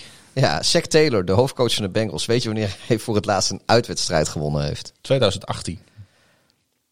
Weet je hoeveel dagen dat was? 686 dagen. Want ik weet in ieder geval dat zij in 2019 geen uitwedstrijd hebben gewonnen. Dit seizoen ook niet. Dus dat moet 2018 zijn. Ja, dat was. Want, eh, want toen was dat hij. was zijn eerste seizoen namelijk als hoofdcoach bij de Bengals. 2018 was, eh, dat is 686 dagen geleden. Was dat Eh, bij de Browns? Hij was assistant bij de Rams toen. Eh, Oh. En dat was die wedstrijd die de Rams wonnen in New Orleans met die, eh, met die enorme blown eh, PI-call, weet je wel? Ja. Eh, hij was toen assistent. Dat is de laatste keer dat hij eh, betrokken was bij een NFL-team dat een uitwedstrijd Maar hij heeft dus als coach eh, van de Bengals nooit een uitwedstrijd met de Bengals gewonnen. Nee. Wat bizar zeg. Dus is in die zin is het niet echt verrassend dat ze in Miami ook weer gewoon op de broek kregen. Hij heeft dus zelfs in zijn eerste seizoen die, die, de uitwedstrijd bij de Browns niet gewonnen. Maar de Browns waren Nee. toen... Nee, die waren toen ook nog niet zo goed. Nee, maar die Dat kwam wel- pas vorig seizoen. Nee, maar, ja, maar die, die, die won een wedstrijdje of, of drie, vier dat Ja. seizoen. En daar zal een van de Bengals in gezeten hebben. Wat slecht zeg. Ja, en eh, dit is nog een, een. Ik heb nog een, een dingetje dan. Dat eh, zal jij minder leuk vinden om te horen. Gudde, gudde, gud. Jason nou? Sanders, de kicker van de Miami Dolphins. Ja, Dat is de kicker met de langste active streak in de NFL sinds dit weekend. ja omdat eh, ja, Justin Tucker natuurlijk eh gisternacht gemist heeft eh, tijdens Ja. Tuesday Night. Maar er zit, eh, er zit nog wel wat verschil tussen. Want Tucker miste zijn 71ste kick. Op, Maar ja, en, en maar volgens heb je- mij zit heb die je Jason over, Sanders. Nee, dit, zit, dit Heb is je in het over totaal. een bepaalde distance? Nee, gewoon totaal. Die- onze grote vriend heeft een paar weken geleden nog een field goal gemist. Dus daarna hebben alle kickers in de NFL ook een field goal gemist. Nou, ik, ik, ik, ik begrijp niet beter dan dat eh, Tucker die had toch 70 op rij eh, en zijn On- 71 onder toen miste 40 die. yards. Oké, en dan heeft eh, die, die vriend Jason Sanders is nu degene die dan onder de 40 jaar Hij had op een gegeven moment dit seizoen had hij 24 op één volgende field goals gemaakt. En toen miste hij nummer 25 en toen was die streak voorbij. Dus ik denk dat dit een stat op distance is. Ja, nou ja, goed. Dat ook, die luisteraars van ons die zijn nu al afgehaakt, want we, we praten over kikkerstatistieken. goed. eh, ja, nee, jij wilde nog iets vertellen over Tua, die speelde Ja, gewoon eigenlijk prima. Dat, vond ik, dat viel mij toch wel weer op. Tegen, had- tegen de Bengals. Nou, tegen de Bengals. Hij had wel bijna 300 yards. Eh, en dat vond ik... eh, ik dacht van, nou, hij heeft het... Ja, dat kun je... Ja, maar ja, wij roepen hier zelf altijd... Het is niet makkelijk om een nee, nee, NFL-wedstrijd nee. te winnen. Dan gooit Tua bijna 300 yards. Maakt geen enkele dat- fout. En dan zeggen we van, ik- het was tegen de Bengals. Ik, ik vind nog steeds. eh, eh, kijk, Tua die is natuurlijk, die heeft een soort valse start gehad. In de zin van dat hij pas eh, in, in week 8 of week 9 of zo. Kreeg, kreeg hij, kreeg- ging hij starten. En een paar wedstrijden later was het al even weer gebeurd. Ehm, met. Ja, Joe Burrow is nu geblesseerd. Maar Burrow en Herbert, dat zijn, die zaten natuurlijk bij hem in de NFL-klas. Burrow die ging als eerste, Tua ging als vijfde. En ik geloof dat Herbert als zesde of zevende of zo ging. Dat weet ik niet meer precies, maar vrij kort na Tua in elk geval. En van die drie eh, quarterbacks vind ik Tua op dit moment gewoon het minst indrukwekkend. Ja. En dat is een beetje. eh, ja, kijk, als je, als je dan een beetje het vergelijk wil trekken eh, met, eh, met 2017 quarterback draft class met eh, Watson, Mahomes en Trubisky, dan is Tua een beetje de Trubisky. En ja, dan is Burrow, nou ja, goed, die is geblesseerd, net als wat, wat Watson toen gebeurde. Maar Tua speelt wel in een team dat goed loopt en goed gecoacht wordt. Ja, dat dat. Wat natuurlijk heel lang in Miami niet het geval is geweest. nee, maar dat Miami goed aan de. hij ja, dat Miami- eigenlijk in een gespreid bedje op dit moment. Dat- nee, kijk, ik geloof nog steeds wel dat. eh, kijk, de, de sample size van Tua is heel klein, nog steeds. Eh, de manier waarop zij eh, op dit moment met de quarterback-positie omgaan, is ook iets waar we als NFL-kijker een beetje aan moeten wennen. Want ja, dat, dat wordt te pas en te onpas wordt daarin gewisseld op dit moment bij Miami. De quarterback die, waarvan ze denken die geeft tegen deze tegenstander of in deze situatie eh, de, de, de beste kans op een goede play, die gaat spelen. Dat wordt nog spannend als de Dolphins de play-offs halen. Nou, dat gaan, ik denk dat de Dolphins de playoffs gaan halen. Nou, dat, daar stel ik wel vraagtekens bij. Maar dat is puur gezien hun programma. Ehm, wie, gaat je, wie ga je dan op zo'n belangrijk moment starten? Nou ja, ik denk niet. Ik en denk wat niet, doe je denk- als het in zo'n wedstrijd een keer wat minder gaat? Kijk, ik denk niet dat de Dolphins de Super Bowl halen. Dus die gaan. eh, Zal wel leuk zijn. het zou leuk zijn, maar ik denk niet dat het gaat gebeuren. Dus die gaan of in de playoffs verliezen, of die gaan nu nog een aantal keer verliezen zodat ze de playoffs mislopen. Ja. Eh, op de manier. Op het moment dat, dat dat gebeurt, dan zal er altijd een keuze zijn. Als, want als de quarterback dan niet genoeg doet om te winnen. Het maakt niet uit wie het is. Want als het Tua is, zegt ze ja, waarom speel je nu niet met Fitzpatrick? En als Fitzpatrick de fout in gaat, is ja, waarom, waarom speelde je in één keer weer met Fitzpatrick? Je, je, je kan eigenlijk ook niks meer goed doen. Kijk, als je kiest voor één van de twee en daar maak je het seizoen mee af, dan is dat gewoon je keus. En dan heeft die quarterback eh, gewoon het niet goed gedaan op het moment dat het misgaat. Dus aan de. Ja, ik, ik, ik, ik, ik kan er maar niet aan wennen hoe dat in Miami gaat. Ik, vind dat, Nee. ik, ik, ik weet niet Maar, zo goed lijken, wat ik... maar zij, zij lijken er zelf weinig moeite mee te hebben. En dat vind ik dan wel weer het leuke hier. Ja, maar dat komt denk ik ook omdat er is geen ze, omdat zij eigenlijk. Nee, maar dat, ze hebben er ook niet zoveel te verliezen. Kijk, die Tua Nee. die heeft nog niks klaargemaakt, dus die moet geen grote bek hebben. Eh, eh, Fitzpatrick die heeft wel leuke dingen gedaan, maar in de grand scheme of things in de NFL is het enige wat hij heeft is ervaring. Maar die heeft ook nog nooit echt serieus dingen klaargemaakt. Mhm. Als in even eh, postseason dingen en zo. Dus die kunnen geen van beiden een grote mond hebben. En de Dolphins, die zijn zo lang zo irrelevant geweest eigenlijk.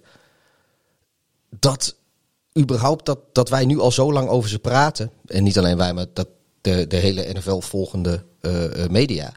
Eh, zoveel met de Dolphins bezig is. Dat is al winst voor hun, weet je. Je die, moet- die, die baden al in, in de beelden het, van, eh, van sportief succes en Ik heb toch het idee dat mediatechnisch de Dolphins altijd wel een groot team in de NFL zijn. Ja, maar de, het gaat er ook om hoe ze over je praten. En op Dat moment is het vooral positief. En eh, ze worden overal genoemd als playoff kandidaat. En Waar niet positief over gepraat wordt, Pieter. Dat zijn de Jets. die zitten ook bij in die divisie. Ik eh, zag in een, eh, een groot artikel van ESPN op internet stond Miracle in the Meadowlands met een groot vraagteken erachter. En toen dacht ik al, hmm, was het een miracle of was het een... Een tankbeurt. Want ehm, even voordat we daarop komen, ja, de Raiders speelden natuurlijk niet goed. De running game kwam nooit lekker op gang bij de Raiders. De defense kon geen stop forceren. Eh, ik wil trouwens, ja, ik, ik heb hem even in mijn scriptje gezet, want ik wou hem even noemen. Hij is niet zo bekend bij iedereen, denk ik. Clelin Farrell, Ja. defensive end van de Raiders. Geen familie van de acteur Colin Farrell. Dat denk ik niet. Als ik kijk naar hoe die eruit ziet. Hij weet het nooit. Maar die, die speelt zo'n lekker seizoen. En eh, dat zijn een beetje van die onderschatte spelers. Hij zou wat dat betreft een Who's That Man kunnen zijn. Die de hele wedstrijd lang pressie eh, op de quarterback van de Jets zat.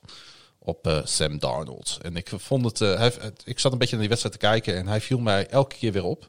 En ik denk, ik ga hem gewoon even noemen. Ik, wat ik over Sam Darnold gesproken. Die gaf Ja. dus. kijk, de Jets die spelen komend weekend tegen de Seahawks. En in het voorafgaand aan dit seizoen is natuurlijk Jamal Adams van de Jets naar de Seahawks gegaan. Ja. En nu heeft Sam Darnold, die gaf aan dat hij Jamal Adams mist. Zijn energie eh, in de kleedkamer, eh, zijn, zijn, zijn waarde, zijn inbreng voor het team. Ehm, nou, die, dat, dat, dat je een speler complimenten geeft die bij jou in het team heeft gezeten. voorafgaand aan de wedstrijd dat je tegen hem speelt. Jij denkt dat hij bang is, hè? Dat, nou nee, maar dat snappen we allemaal wel. Ja. Weet je, dat is, dat is normaal. Weet je, die NFL, dat is natuurlijk één grote schouderklopperij. Maar het feit dat hij zijn energie en, en zijn inbreng in de kleedkamer, zeg maar, zijn, zijn, zijn... Is dat gewoon een, een, een random opmerking om, om positief te praten over je oud teamgenoten? Of zit hier meer achter in de zin van dat eh, zelfs Darnold een beetje eh, kritiek heeft, zeg maar, in dat ze een van hun beste spelers weggetrade hebben en dat hij, maar Nou, Adams wilde ook weg natuurlijk. Dat laatste lijkt mij wel, want Zit hier verborgen kritiek in van Darnold op de Jets-organisatie? Dat is eigenlijk mijn vraag. terwijl dat natuurlijk een heel bleu jongetje is, ook als je hem voor de camera ziet. Ja, daarom zegt hij niet gewoon van, eh, van kom op man, stel dat je klootzak. Jullie hebben gewoon geen enkele ambitie, want je zit je beste spelers weg te traden. Nee, het is echt nog een Dat high, niet. school kid als je hem ziet. Dus, maar, maar daarom, mijn vraag is, is dit een verpakt stukje kritiek of is dit gewoon... Het is een- verpakte kritiek. Of en- zoek ik er te veel achter? het is verpakte kritiek. En omdat ze tegen de Seahawks spelen, is hij bang. En hoopt hij dat hij niet al te hard aangepakt wordt. Daar had ik nog niks echt aan gedacht. Nou, daar dacht ik aan. dat hij Ja. gespaard wordt eh, tegen Ja, de maar- Seahawks volgend, ja. volgend weekend. Maar Adams is natuurlijk niet echt een spe... Ja, ja, ja, nee, ja. Dat is, eh, daar had ik nog niet eens aan gedacht. Eh, maar waar het natuurlijk eigenlijk over ging, en dat was iets wat ik mij gelijk op Twitter afvroeg, maar ook heel veel andere volgers van de NFL. Was het nou, want we hebben het natuurlijk hier over de laatste play van de wedstrijd. Hè, de, de, de, de, ja, de Hail Mary zou ik bijna willen zeggen van de Las Vegas Raiders. Die gevangen werd door, Poeh. Maar dat, dat, ik weet zo snel niet meer wie hem ving voor de even, Raiders. de, even de naam kwijt. Eh, maar in ieder geval de Raiders die uit ja, geslagen positie via dus een heel Mary play toch nog de wedstrijd wisten te wi- te winnen. Was het tanken of niet? Was het bewust of niet? Was het... Nou, dan zijn denk ik twee, twee dingen. eh eerst de play call van de Jets op die play. Want zij rushten zeven spelers. Ja, en ik zag dat de safety stond dan ook nog daar vlak achter. Als ik me goed herinner. Ja, dus er waren echt maar, maar drie spelers of zo eh, achterin om eh, de diepe bal te verdedigen. Ja, En, ja, dus, dus is, is dat zelden, wat je zelden ziet eigenlijk. Die play call. Zullen we, het- zullen we het daar Ja? eerst over hebben? Ja, doe maar. Daar was namelijk nog een kritiek op. En ja, noem mij naïef, maar ik heb met die play call niet zoveel moeite.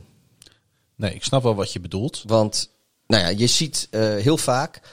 En ik had dit eigenlijk al als eh, notitie voor deze uitzending eh, voor de wedstrijd tussen de Cowboys en de Ravens. Maar je ziet heel vaak dat er, dat er bij zo'n Hail Mary situatie.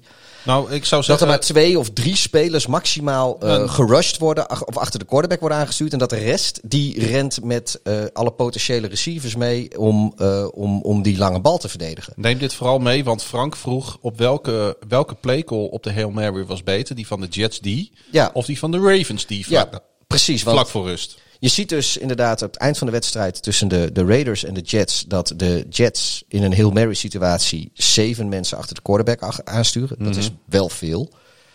Eh, op slag van rust bij Cowboys at Ravens eh, stuurde de Baltimore Ravens stuurde maar één speler achter Andy Dalton aan in een overduidelijke heel Mary situatie. Ehm, nou ja, nu, nu kun je heel droog scorebordjournalistiek doen. Zeven rushes achter eh Carr aan en het werd een touchdown. Eén speler achter Dalton aan en het werd geen touchdown. Maar ik denk dat het niet zo simpel is. Want eh Carr die kreeg echt zoveel tijd. Ja. Of, eh, sorry, de, de, de, de receiver van, van de bal van Carr, waar we dus even niet op de naam kunnen komen, die had, zo, die had die ruimte. Omdat er eigenlijk, eh, ja, er waren niet heel veel andere spelers eh, meer om hem te blokken of om te verdedigen. Maar ik vind zes of zeven man achter zo'n quarterback aansturen, vind ik helemaal niet zo gek. Dat was Henry Rux natuurlijk. Ja, Henry Rux. nee, maar ik, ik, ik, vind, ik vind het eigenlijk niet zo gek. Nee, ik vind het ook niet zo gek. Want, Want, want, de, want als de je die Ravens, die quarterback hebben gewoon... echt mazzel gehad dat, dat, dat Lamb die bal niet ving. Ja, want dat is... Ja, Want precies. Dalton die heeft helemaal niet zo'n sterke arm, maar die kreeg zoveel tijd en die kon zo lang, zeg maar, eh, nou, wachten tot iedereen klaar stond in die endzone. En dan had hij ook nog alle tijd en ruimte om uitgebreid die bal daarheen eh, te manoeuvreren. Ja, en toch hè, alles bij elkaar opgeteld. Met ook die gekke positie van die safety. Want die vond ik eigenlijk het meest opvallend van de hele playcalling defensive van de New York Jets. Heb ik heel sterk het gevoel dat het bewust was. Ik, en ik kan het niet van me afschudden. Van, ja, maar nu is bij, bij, de, bij de Jets. Ja. Ja, maar Greg Williams is er ook ontslagen op die, op die, om die play natuurlijk. Ja. En ik denk dat dat En ook daar- bewust ingecalculeerd is. Ja, nou, nu moet je ook sowieso geen medelijden met Greg Williams, want dat is een van de grootste klootzakken in de NFL. Oké. Waarom trouwens? Bountygate. Ik vind, ik vind nog steeds een schande dat die man mag coachen. Dat, maar dat is Ja. een, een persoonlijk ding. Ik bedoel, hij was de, een van de drijvende krachten. Daarachter het destijds New Orleans. En eh, de, New, de, of de New Orleans. De, de NFL die, eh, die pretendeert altijd nog het heel hoog eh, te hebben zitten. Die, die player safety en alles. En dan een coach die, die een programma leidde.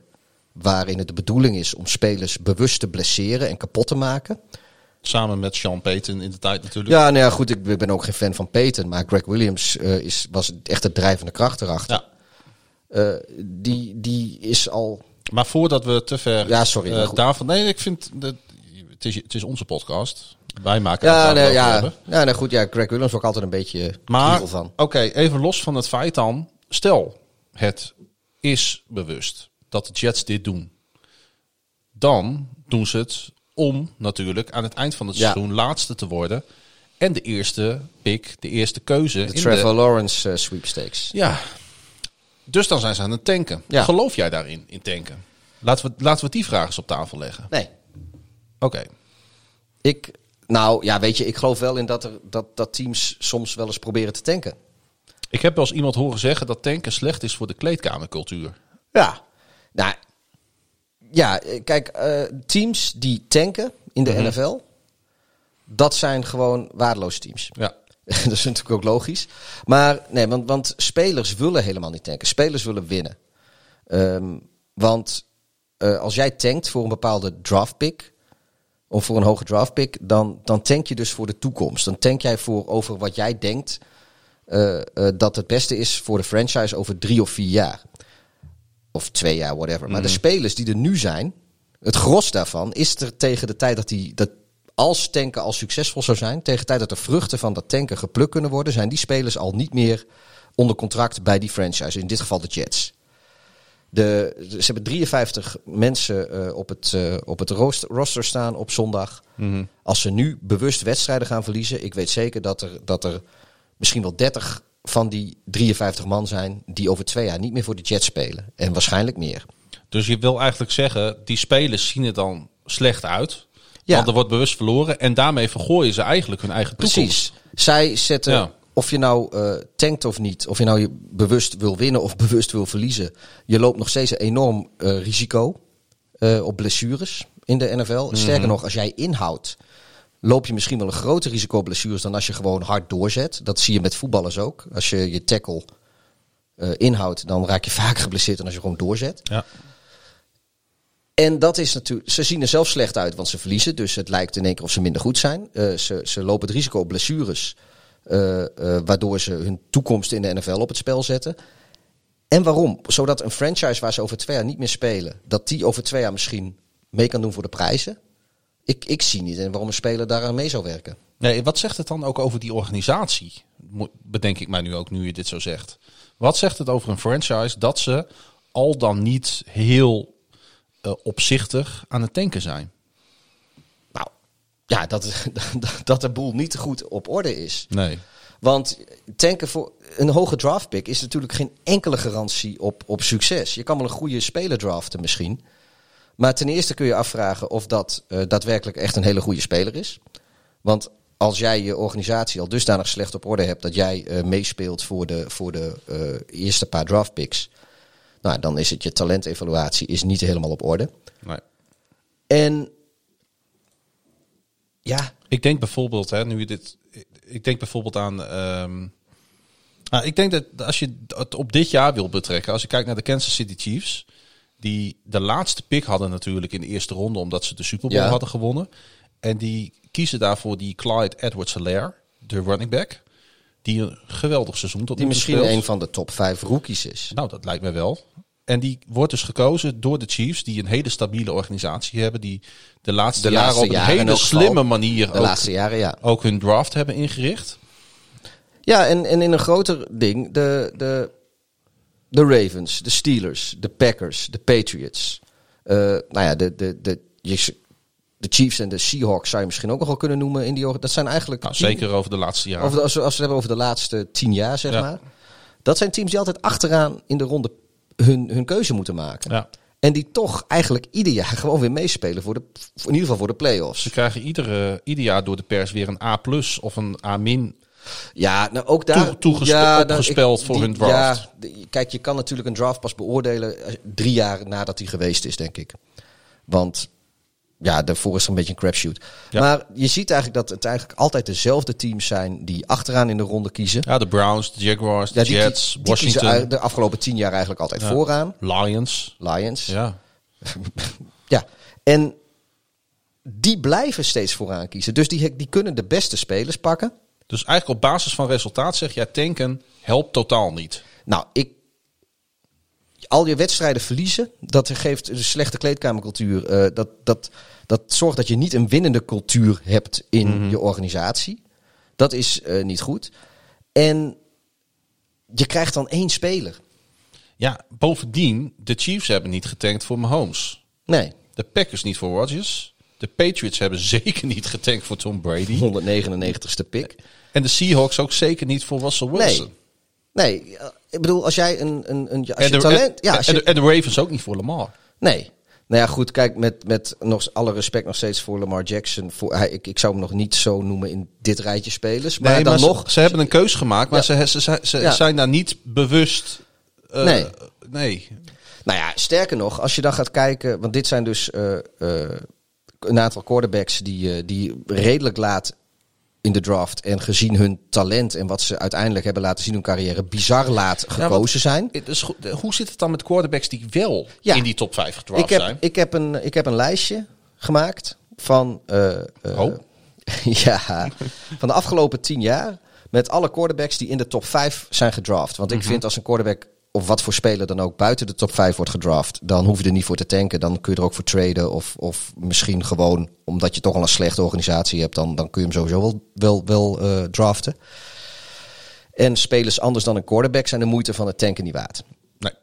Laten we daar, dat, dat zijn zeg maar de, de parameters waar ik eh, dat lijstje op gemaakt heb. En dan noem ik dus in 2010 Sam Bradford naar de Rams. St. Louis Rams toen nog. Nou, is dat de moeite waard geweest? Is dat zijn nummer 1 pick waard geweest? Zeker niet. Cam Newton naar de Panthers. Nou, daar kun je voor zeggen, Newton is wel, was wel echt een groot talent. Maar En eh, Bradford ook wel, maar het valt mij nu al op bij deze twee namen. Blessureleed. Ja. Eh, deels met die te maken hebben met, met zijn speelstijl. Ook deels omdat je gewoon. Want ik kan nog de twee volgende namen. Andrew Locke en Robert Griffin III, RG3. Nou, dan blijven we bij wel talent, maar veel blessureleed. Dat zijn allemaal spelers die zijn terechtgekomen in organisaties die ze niet goed konden beschermen. Of die niet genoeg talent hadden om eh, te zorgen dat, zoals Cam Newton, die eh, over de grond en RG3 over de grond heel sterk waren. Eh, dat was noodzakelijk, überhaupt om er iets van succes te hebben. Ja. Nou ja, dus dat is, dat zijn al, al nou En ja, als je het lijstje nog even om de, omwille van de tijd nog wat, even wat sneller doorscrollt. Blake Bortles, Ja. nummer 3 2014. James Winston, nummer 1 2015. En Marcus Mariota, nummer 2 2015. In 2016 zijn Jared Goff en Carson Wentz gegaan in, in de top 5. In 2017 ging Mitchell Trubisky in als tweede. Eh 2018 ging Baker Mayfield als eerste en Sam Darnold als derde. 2019 ging Kyle Murray als eerste. En in 2020 gingen Joe Burrow als eerste en Tua als vijfde. Nou, als je dat Daar zit al iets meer eh, potentie in, in dat rijtje natuurlijk. Nou ja, kijk, Jared Goff heeft de Super Bowl gespeeld, maar die Ja. heeft hem verloren. En Jared Goff is de enige speler in dit rijtje die op dit moment serieus aanspraak maakt op dat hij misschien wel eens weer een Super Bowl kan spelen. Baker Mayfield. Zoals het dit seizoen met Cleveland gaat. Maar ik vind, ik vind het alleen maar, Ja, van- maar vanuit het principe ja, maar- van een Super Bowl De- vind, ik, vind ik wel een beetje ver gaan. Want je kan ook in een aantal jaren toebouwen naar een Super Bowl. Ja, maar goed, dan, dan, dat je, je, je begint met dat tanken om, om, om je, die speler te hebben die je mist. Nou ja, wie zegt niet dat de Ari- Arizona Cardinals met Kyler Murray over drie, vier jaar in de Super Bowl kunnen staan? Dat zou zomaar kunnen. Dus het is iets te vroeg, denk ik. ik Ja, vind maar kijk, zo- van zo- zo 2010 Murray- tot Murray- ja. 2016 durf, ik, durf ik ook wel wat conclusies te trekken. Maar Ja, over deze quarterbacks, die, die de laatste jaren zijn gedraft. Kijk, May- May- Mayfield, ja, nou, de, de, de Browns die kunnen, die zitten in, op, op dit moment kunnen ze de Super Bowl halen. Ik weet niet of het ze gaat lukken natuurlijk. Eh, die hebben ook wel Mayfield met de eerste pick gepakt, maar die hadden natuurlijk een enorme lading aan draft picks. Want die, die hebben namelijk op een andere manier getankt dan eh, waarvan de Jets beticht worden. En dat is denk ik ook de enige manier om eh, wel te kunnen tanken. En dat is als organisatie. Ja, hey, ik zit nou hier, dit zo, deze laatste vijf, zes, zeven minuten zo een beetje door mijn hoofd. Probeer ik dat een beetje samen te vatten. Wat zijn nou de, de, de, de, de principes, de basiszaken die je op orde moet hebben om een goed team te kunnen bouwen? Want daar hebben we het eigenlijk over. We hebben het nu heel erg over tanken, Ja. we hebben het over draften. Maar waar het op aankomt, denk ik, en eh, je noemde terecht teams als de Packers en de Ravens en de Steelers. Wat, is nou, wat heb je nou voor nodig om een goed NFL-team te bouwen? Ja, ik heb, ik heb drie dingen, denk ik, die, eh, die daarvoor belangrijk zijn. Eerst is het talentevaluatie. Dat moet op orde zijn. En dat is niet alleen de, het scouten voor de draft en eh, het scouten bij andere teams voor eventuele free agency. Maar het belangrijkste is denk ik het evalueren van je eigen spelers. Want waar ben je goed? En, maar, ook, maar waar kun je dan ook beter worden? En waar zitten echt je gaten? Want het is heel makkelijk om, om te constateren dat je bijvoorbeeld je quarterback niet goed is. Maar als jij, maar je offensive line, als die oké is, dan is het alsnog heel belangrijk om eh, te zorgen dat, dat als er een, de mogelijkheid zich aandoet om je goede offensive line nog beter te maken, om dat te doen. Oké, goede Dus dat is de eerste. talentevaluatie Ja, ook is dus vooral één. van je eigen spelers Ja. ook. Maar ook van alles van niet-eigen spelers. Twee. Cap space eh, en contract management. Hmm. Eh, de, dat heeft, hangt deels natuurlijk ook weer samen met die talentevaluatie. Je, je, je beste spelers, of je meest waardevolle spelers, die, moet die, jij, wil, die wil je behouden. die moet je kunnen houden. Ja. Maar je moet ook goede spelers die waardevol voor je zijn. Daar moet je afscheid van durven nemen, omdat jij denkt dat je een goedkopere optie hebt die vergelijkbaar, of in ieder geval waar je niet heel veel minder van wordt, eh, waar je gewoon geld kan besparen op een positie. Door spelers die misschien populair zijn bij fans, bij jezelf, toch gewoon te laten gaan. En eh, dat is ook iets waar heel veel teams het lastig mee hebben. En het laatste, en ook al deze drie dingen zijn even belangrijk hoor, maar draft picks, veel draft picks. De positie in de ronde maakt niet zoveel uit, het aantal. Eh, kwantiteit boven kwaliteit, denk ik dan. Je kijkt nu eens, eh, je kan beter één eerste ronde pick hebben dan, dan drie zevende ronde picks, dat, dat wel. Maar ja, ik denk ook dat je beter één late eerste ronde pick en twee picks in de tweede ronde kan hebben, dan eentje, dan de overall eerste ronde pick. Ja. Want ja, met heel veel picks kun je omlaag treden. Eh, dus verder, verder achteruit in de draft nog meer te krijgen. Je kan omhoog treden om die ene belangrijke speler te pakken die je echt nodig hebt. En ja, dus met, met die dingen in het achterhoofd denk ik het enige tanken dat, dat bestaat en wat zinvol is, is op organisatorisch niveau. En dat is goede spelers laten gaan. Voor draft picks. En eh, op die manier eh, rustig je organisatie weer op te bouwen. En ik geloof gewoon niet dat de Jets daar op dit moment toe in staat zijn om weer terug te komen bij hun en hun tankjob. Nee. Nou, goed om het hier een keer over gehad te hebben, denk ik. Hè? Ja, als er nog mensen luisteren. Dit Nou ja. was een heel verhaal. Ik vond het in ieder geval heel interessant dat jij ons hier even een beetje in meenam. Eh, laten we doorgaan, ja. wat mij betreft. Want de Raiders die zijn op zich dus nog volop in de playoff race. Ehm, wie dat natuurlijk eh, eigenlijk nu niet meer zijn, zeker na afgelopen weekend niet meer. We noemden ze al even, dat zijn de Denver Broncos. Die het toch de Kansas City Chiefs eh, vrij lastig wisten te maken, Pieter. ja, Het was geen wereldpot van de Chiefs, hè? zijn de. Nou ja, we hebben het net natuurlijk gehad over, over talentevaluatie en Mm. draften en alles. Zijn de Broncos een goede quarterback verwijderd van om echt een goed team te zijn? Want wat ik eigenlijk dit seizoen een beetje zie, Ja. het is, er is wel een, iets van wisselvalligheid, maar de defense is gewoon echt heel behoorlijk. Die zijn echt heel goed. Eh, Ja. Met Judy, Patrick, Hamler en Fant hebben ze echt aanvallend goede skillspelers. Goede receivers, tight ends. eh, weet je, dat, dat zit wel prima daar. Hun running game is ook helemaal niet verkeerd. Nee. Maar ze, ze hebben een goede kicker. Harrison Butker. ja, ook nog eens. Ook even noemen.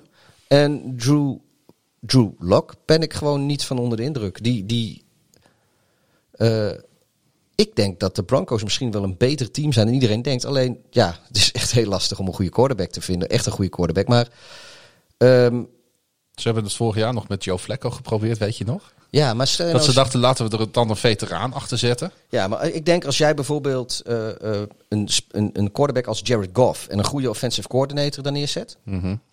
Of eh, eh, een Carson Wentz als die weg moet bij de Eagles. Een Mitchell Trubisky als die weg moet bij de Bears. Als je zo'n soort Weet je, het hoeven geen hele goede te zijn. Als het maar een qu- quarterback is met een bepaalde skillset. Die past bij wat de Broncos hebben. Waaronder, die hebben, ja, een, een goede running game. behoor- echt goede receivers. En als, ja, als de O-line een beetje op orde is, dat die quarterbacks wat tijd hebben. Ja, dan kun je met Wentz, eh, kunnen, kan Denver denk ik een heel sterk team worden hoor, denk ik. Drew Lock is natuurlijk, eh, als je het dan toch over draft hebt, eh, werd pas in de tweede ronde gekozen in 2019, denk ik. Dat is nog te vroeg. Ja, Ja, nee, kijk, ik, Ergens rond de 40ste pick of zo. En dat is nu ja, de, de, de man bij de, bij de Denver Broncos die de ballen moet gooien. Het is, ja, ja, ik, ik, nee, maar denk jij ik niet wil dat, hem dat- nog niet als- helemaal nee, maar als afschrijven of als, zo. als Wentz nou weggaat bij de Eagles. ik vind het sowieso een beetje een raar ventje trouwens hoor. Ook Ja. in, zijn, in zijn gedrag. Ik denk dat eh, John Elway niet die quarterback goel is eh, die, eh, die die misschien denkt dat hij is. Want ze hebben natuurlijk een, een Trevor Simeon is daar langs gelopen. Ze hebben eh, de Crustacean Sensation met Brock Osweiler hebben ze daar gehad. Eh, laten we Tim Tebow niet vergeten. Er, er is daar een, een parade aan, aan matige quarterbacks door, door Denver gemarcheerd. Maar als je het dan over, weer over dat tankverhaal hebt. Zij hebben natuurlijk alweer iets te veel wedstrijden gewonnen. Om bovenin in die draft van 2021 wat, Ja. wat, wat, eh, die, die echt goede quarterback weg te pikken. Ja, dat klopt. Maar ik, ja, ik heb geen idee hoe Denver in capspace zit. Maar wat ik zeg, Nee. stel, stel nou eens voor als, als zij... eh, of, want het contract van Wentz bij de Eagles is nog niet eens ingegaan, hè? Die gaat pas volgend seizoen in. Hij heeft het contract er wel gekregen, maar het gaat pas volgend seizoen in. Dus stel dat... eh, nou, ik denk niet dat er veel teams zijn die eh, het huidige contract van Wentz willen overnemen met de ingang van volgend seizoen. Maar het kan best zijn dat... 66 miljoen over twee jaar. Ja, maar dus, er zijn, je hebt best kans dat, dat een team als Denver en Wentz... dat die er onderling uit kunnen komen... door dat contract een beetje te herstructureren... en dat iets realistisch te, realistischer te maken... naar de hand van de, de recente prestaties van Wentz. En dan kan het best heel leuk worden, denk ik, daar in Denver. Eh, de Chiefs kunnen in ieder geval wel wat meer tegenstand in hun divisie gebruiken, denk ik. Ja, ze moeten ook wat overtuigender spelen trouwens. Maar 16-22 met een laatste drive voor de Broncos notabene die eh uitmondde in een interceptie vlak voor tijd. Want het is toch een beetje zoals vaker dit seizoen bij de Chiefs.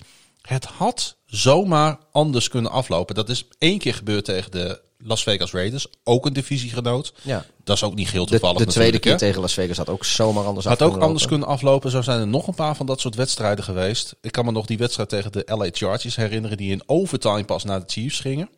Ze zijn niet dat hele dominante team dit jaar. Nee, eh, ze moeten echt overtuigender gaan spelen. Want eh, ik heb het idee dat als ze, dat, als ze zo door blijven gaan, dan... En nou ze ja, treffen dan, de Bills op een goede dag dan, dan gaan zij in dat postseason gaan zij gewoon eruit vliegen tegen een team dat het, dat het eh, meer wil dan dat de Chiefs het lijken te willen. Ja, want dat, zit, Want de- dat de- sluipt er wel een beetje in, hè? Ja, de, de, eh, ze lijken een beetje complacent, een beetje, beetje eh, ja, gemakzuchtig, langmoedig, hoe je het maar wil noemen. Ze hadden voor dit seizoen al een van de makkelijkste schedules. Ehm, en dat stralen ze ook een beetje uit. Ja, het, het lijkt wel alsof zij zo, ja, alsof ze zoiets hebben. Nou, we freewheelen wel even naar het postseason toe Ja. en dan gaan we wel even. Maar het is heel lastig, denk ik, om, om je dan in één keer mentaal om te zetten. Dus ze zijn hartstikke goed. En Mahomes is natuurlijk een genot voor het oog. Maar zij zijn niet het dominante team dat ze misschien wilden zijn. En ook misschien niet dat hele goede team waarvan wij dachten dat ze zouden zijn.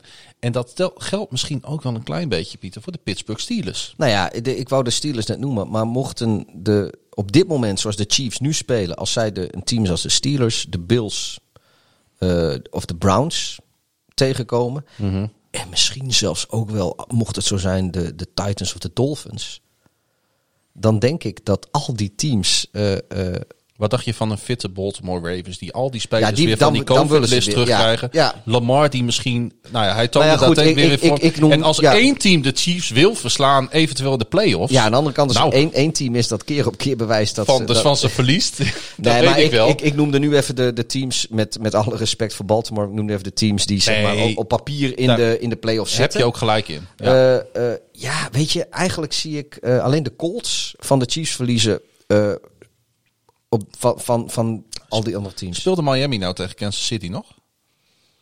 Eh, Miami gaat volgens mij eh, komend weekend eh, tegen Kansas City, dus we gaan het zien. ook. Dan gaan we het zien, hè? Ja. Mooie pot. Maar de Steelers, die verloren. Dus ook, nou niet ook, want de Chiefs wonnen gewoon.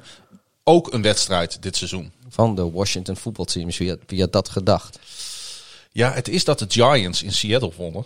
Ja, nee, dus maar het waar- overschaduwt een klein beetje misschien deze, deze Waar- waarom kunnen de. Eagles dan niet in Green Bay winnen? Weet je, als dan die NFC East toch een beetje gaat stunten. Ja, waarom, waarom, kan, waarom, waarom, moet dat kan weer zo? Dallas dan niet in Baltimore winnen? Nou ja, dat vond jij niet zo erg. Nee, oké.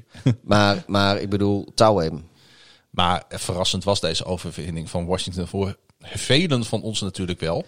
Ja, Terwijl er natuurlijk in eerste instantie niets aan de hand was voor Pittsburgh. Nee, kijk, want het verschil tussen, tussen de Chiefs en Pittsburgh op dit moment vind ik de Chiefs die spelen dus wat langmoedig.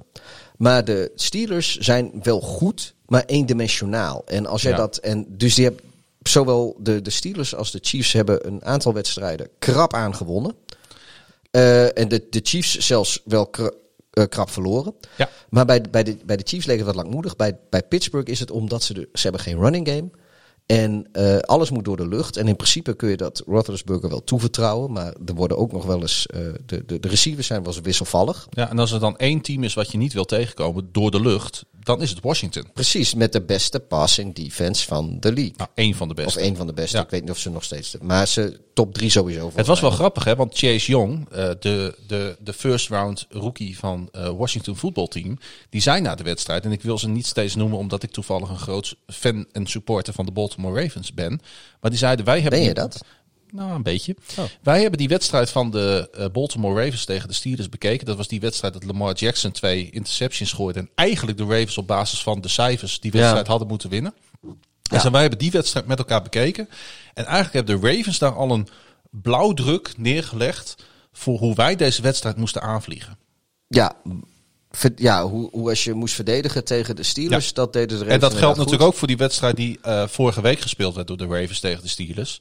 Toen hadden de Steelers het, ondanks dat, dat ja, dat, dat, Ja, die hadden niet dat, ja, dat, niet dat zootje ongeregeld wat van, op, op het veld stond bij de Ravens. Dus het begint een beetje, eh, we- ja, het, teams beginnen de Steelers een beetje door te krijgen. Ja, nee, maar dat, precies. He- Heeft ook te maken met de, de positie in het seizoen natuurlijk, het moment in het seizoen. Weet je, het is, het is ook gewoon... Er staat kijk, zoveel op tape nu. Ik heb, eh, ik heb niet zoveel problemen met de Steelers als jij dat hebben. Maar ik denk wel dat het goed is dat ze hebben verloren. Ja. Eh, eh, ten eerste vind ik dat zij niet goed genoeg zijn om ongeslagen te zijn. Ehm, ik, zou, ik vind ze een 12-4, misschien een 13-3 team. We hebben het ook al over gehad. Ja. Eh, alles beter 15-1 of 16-0 zou echt, echt geflatteerd zijn. Maar wat grappig is en waarom ik het vooral leuk vind dat de Steelers hebben verloren, is dat Miles Garrett van de Cleveland Browns, Ja. eh, die is nu eh, serieus van mening. En er zit wel wat in, zijn ding, dat de Browns de divisie nog kunnen winnen. En het feit dat, eh, dat door deze nederlaag, die komt er precies op het goede moment. De Browns spelen lekker. De, de Chiefs, die, of de Chiefs, de, de Steelers, die gingen al een poosje niet zo goed. En nu zijn ze echt gestruikeld. Die De nederlaag zat er aan te ja, komen. ze hobbelden al wat. En, en nu zijn ze gestruikeld. Ja, dit heeft zeg maar al. Dit zijn net de ingrediënten om daar ook in die AFC North een hele leuke ontknoping te maken. En het is voor jou jammer dat de Ravens daar niet meedoen. Want we hadden van tevoren een beetje gedacht dat, dat, dat, dat drie teams of twee teams, maar één van die twee zou Baltimore zijn, zich in die, eh, eh, in die divisie ging mengen. Maar ja, als het voor mij als neutrale kijker, als, de- als de Browns en de Steelers nog even serieus eh, aan, de, aan de slag gaan om het in week 16 en 17 om die divisie te spelen. Ja, ik, dat vind ik sowieso. Kun je je voorstellen als de Browns de divisie gaan winnen? Als Garrett eh, serieus is, dan betekent dat dus dat hij voorziet dat zij komende maandag de Monday Night Football van divisiegenoot Baltimore gaan winnen. Dat, eh, dat lijkt mij wel, ja. Ja. Ja, nee, nee, tuurlijk. Kijk, zij, de, Garrett en de Browns Ah. gaan ervan uit dat ze, dat ze alles nog gaan winnen wat ze spelen dit seizoen. Ondanks dat de nederlaag misschien een soort, soort van heel klein beetje in het verschiet lag. De Steelers die met 14-0 vlak voor rust voorstaan en alsnog die wedstrijd weggeven. Dat is zo niet des Steelers. Nee, En daar heb ik een statistiek over. nou, laat me horen, neem ik even een slokje. Nou, de Steelers hebben met 14 punten voorsprong in een wedstrijd eh, onder Big Ben. Dus onder de quarterback Ben Roethlisberger. Ja, dan waarschijnlijk dus ook onder, eh, eh, hoe heet onze, Mike Tomlin? Ja, hebben ze 112 wedstrijden hebben ze gespeeld waarin ze 14 punten voor stonden. En daarvan hebben ze de 109 gewonnen. Dus drie keer niet. Twee keer verloren, één keer gelijk gespeeld. Twee keer verloren van Baltimore.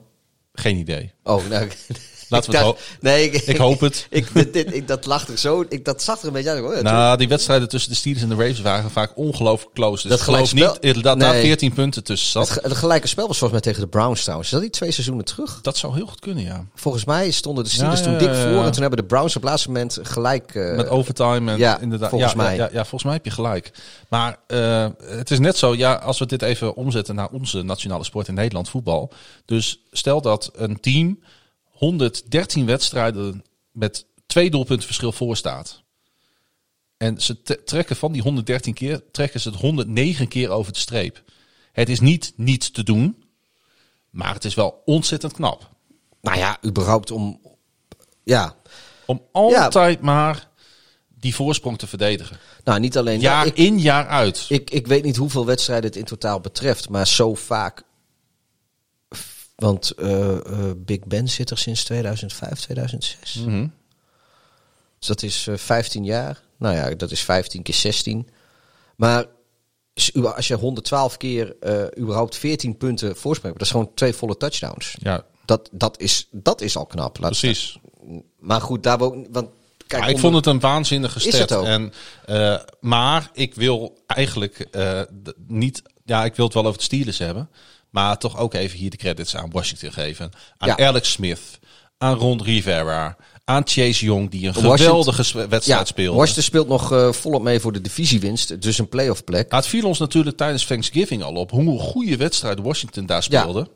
En nu ja, komen ze weer ontzettend goed voor de dag. Ik, eh, ik, ik, ik, ik moet eerlijk zeggen, ik, eh, ik, nou ja, ik ben fan van de Ravens geworden. Ik hou van defensive voetbal. Maar wat Washington doet op het gebied van passing defense. Knap het hoor. Dat is echt heel knap. Iedere bal die dan toch wel gevangen wordt door de Steelers. Er is geen enkel, bijna geen enkele Nee, yard after the Nee, catch. nee het, is, het, is, het is vangen en, en, Ze zitten en tackle. overal gelijk op. Ja. Het is, eh, het is onvoorstelbaar knap wat Ron Rivera daar doet. En ondanks dat het het meest verguisde team in de NFL is... door natuurlijk dat gedoe, dat gesodemieten met die teamnaam vorig jaar... Het is, ja, maar weet je, met Ron Rivera en helemaal nu Alex Smith daar weer staat de quarterbacken.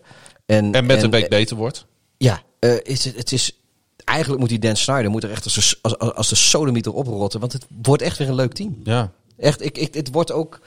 Ik, ik, ja, ik, Ik, heb ook, ik krijg ook sympathie voor ze. ja, ik heb manier. alleen wel één ding eh, waar ik me aan irriteerde. Of ergerde, sorry moet ik zeggen. Ja, ik, erger hu- me, je huid irriteert en je ergert je ergens aan. ik, eh, ik erger me ergens aan. En dat heeft niet zo. Het was wel iets wat Washington deed. Maar ik vind nog steeds dat de schuld ligt bij de arbitrage. Dat is dat Alex Smith met, eh, met de gameball er vandoor ging. Zodat Washington de tijd had om nog een field goal unit op het veld te brengen. En kijk, dat is lachen en leuk en hahaha. En dat is ook wel zo. Maar als je er objectief naar kijkt. Want kijk, als de underdog het doet om op die manier het ongeslagen team te verslaan, dan is dat hahaha. En je slim. bedoelt bij die laatste interceptie Ja. op, op Ja. Big Ben. Ja, Ja. maar als je er objectief naar kijkt, ik bedoel, het is een miljardenleague en dan kom je met zo'n knakenarbitrage, want het gebeurt gewoon onder het oog van de scheidsrechter. En je, ja, weet je, eh, het, het, in de, kijk, je kan zeggen, underdog, eh, ongeslagen team, hahaha, wat grappig, wat slim, wat voetbal IQ, whatever. Maar nogmaals, als je er objectief naar kijkt, als de scheidsrechters die staan erbij en die kijken ernaar, en dat vind ik echt gewoon heel, heel slecht. Ja. Je moet er gewoon direct ingrijpen, klok stil, whatever. Nou, punt gemaakt. Goed. De Pittsburgh Steelers ver- verrassen dus met een nederlaag. De Cleveland Browns eh verrasten ook met hun overwinning. En ik vond niet zozeer het feit dat ze wonnen van de Tennessee Titans, maar meer de manier waarop. Nou, voor- ja, sowieso wat ze de eerste twee kwarten lieten zien was, eh, was bizar. Mindblowing. Ik, ik had, weet je, we hebben de Browns namelijk ook wel een klein beetje, heel klein beetje afgefikt door de lelijke wedstrijden die ze gespeeld hebben dit seizoen. Want daar waren er nogal wat van. Sorry, dat was mijn glas. Ja, moet je ook niet van die grote glazen inschenken. Maar eh, uiteindelijk een 41-35 overwinning. Als je dat ziet, dan denk je misschien... oh, dat ging heen en weer. En dat was steeds stuivertje wisselen. En dan de Titans weer voor. En dan de Browns weer voor. Nee. Maar ehm Mayfield die gooide gewoon voor rust vier touchdowns. 334 yards uiteindelijk in totaal. Voor rust stond het, stond het iets van, wat was het, eh, ergens in de 30 voor de Browns en Ja. drie, drie punten of zo voor Ze Tennessee. waren voor rust al over de 30 punten heen. Ja, en, en drie punten of zo voor Tennessee. Ja. Ehm, ik heb een eh, hele gekke eh, Cleveland Browns statistiek. Het is echt een statistieke aflevering. Ja, ja, ja, ja, We hebben het nooit zo gedaan, maar... Nee, nee, maar dit is eh, weer een, een, een. Als Cleveland met meer dan. Als Cleveland meer dan zeven punten scoort dit seizoen, zijn ze ongeslagen. Wauw. ja, dat klinkt. Dat, ik vind het echt zo bizar. Nou, nou hebben ze er ook maar drie verloren tot nu toe. Ja, maar, dus, maar zeven is niet veel. Nee. En dus aan de ene kant kun je zeggen van Jezus, wat een knakenteam. Want als ze verliezen, dan scoren ze echt gewoon maar één, hooguit twee field goals. Of misschien één touchdown met een gemist extra point, whatever. Ehm, maar kom op zeg. Eh, eigenlijk is het dus gewoon zo dat als, als Cleveland, statistisch gezien, als Cleveland een, een touchdown tegen scoort, nou dan kun je net zo goed stoppen en naar huis gaan met laag. Maar ik, ik vond dat zo- zo'n rare, rare statistiek.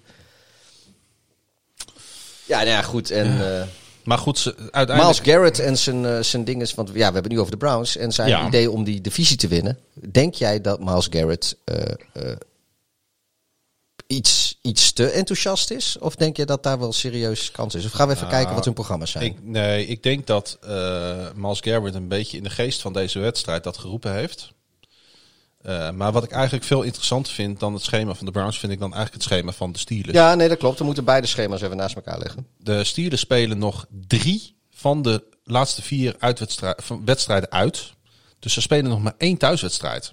Ze gaan uit naar de Buffalo Bills, Pieter. Dat is niet de makkelijk. Steelers. Dat is niet makkelijk. Nee, die is niet makkelijk. Ook niet voor de Bills.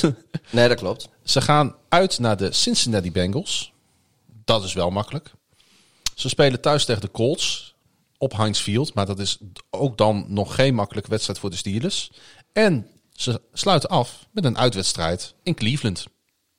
Wil jij dan weten wat de Browns nog moeten voor de grap dan even? Nou, in ieder geval tegen de Ravens en tegen de Steelers. En wat zijn die andere twee wedstrijden daartussenin? Nou, Frank Sinatra heeft er een liedje over gemaakt. New York, New York. De Jets en de Giants. Ja. Ja, en toch, van de Ravens spelen ook nog tegen de Giants. De Giants Ja, nee, maar goed. De, Is de- geen ze zijn, ze dus zijn, ze zijn hoe alle- zij nu spelen. Ze zijn allebei in New York, de 21 en 27 december. Ehm, Dan zullen we dan zeggen dat ze een gelijk, eigenlijk een soort, ze, ik denk dat ze een gelijk, eh, als het om strength, strength gaat, een soort van gelijk schema hebben. Want waar de eh, Steelers tegen de Bills spelen, spelen de Browns tegen de Ravens. Ja. Waar de, eh, de Steelers tegen de Bengals spelen, spelen de Browns tegen de Jets. ja, Eh, ze spelen tegen elkaar. ja.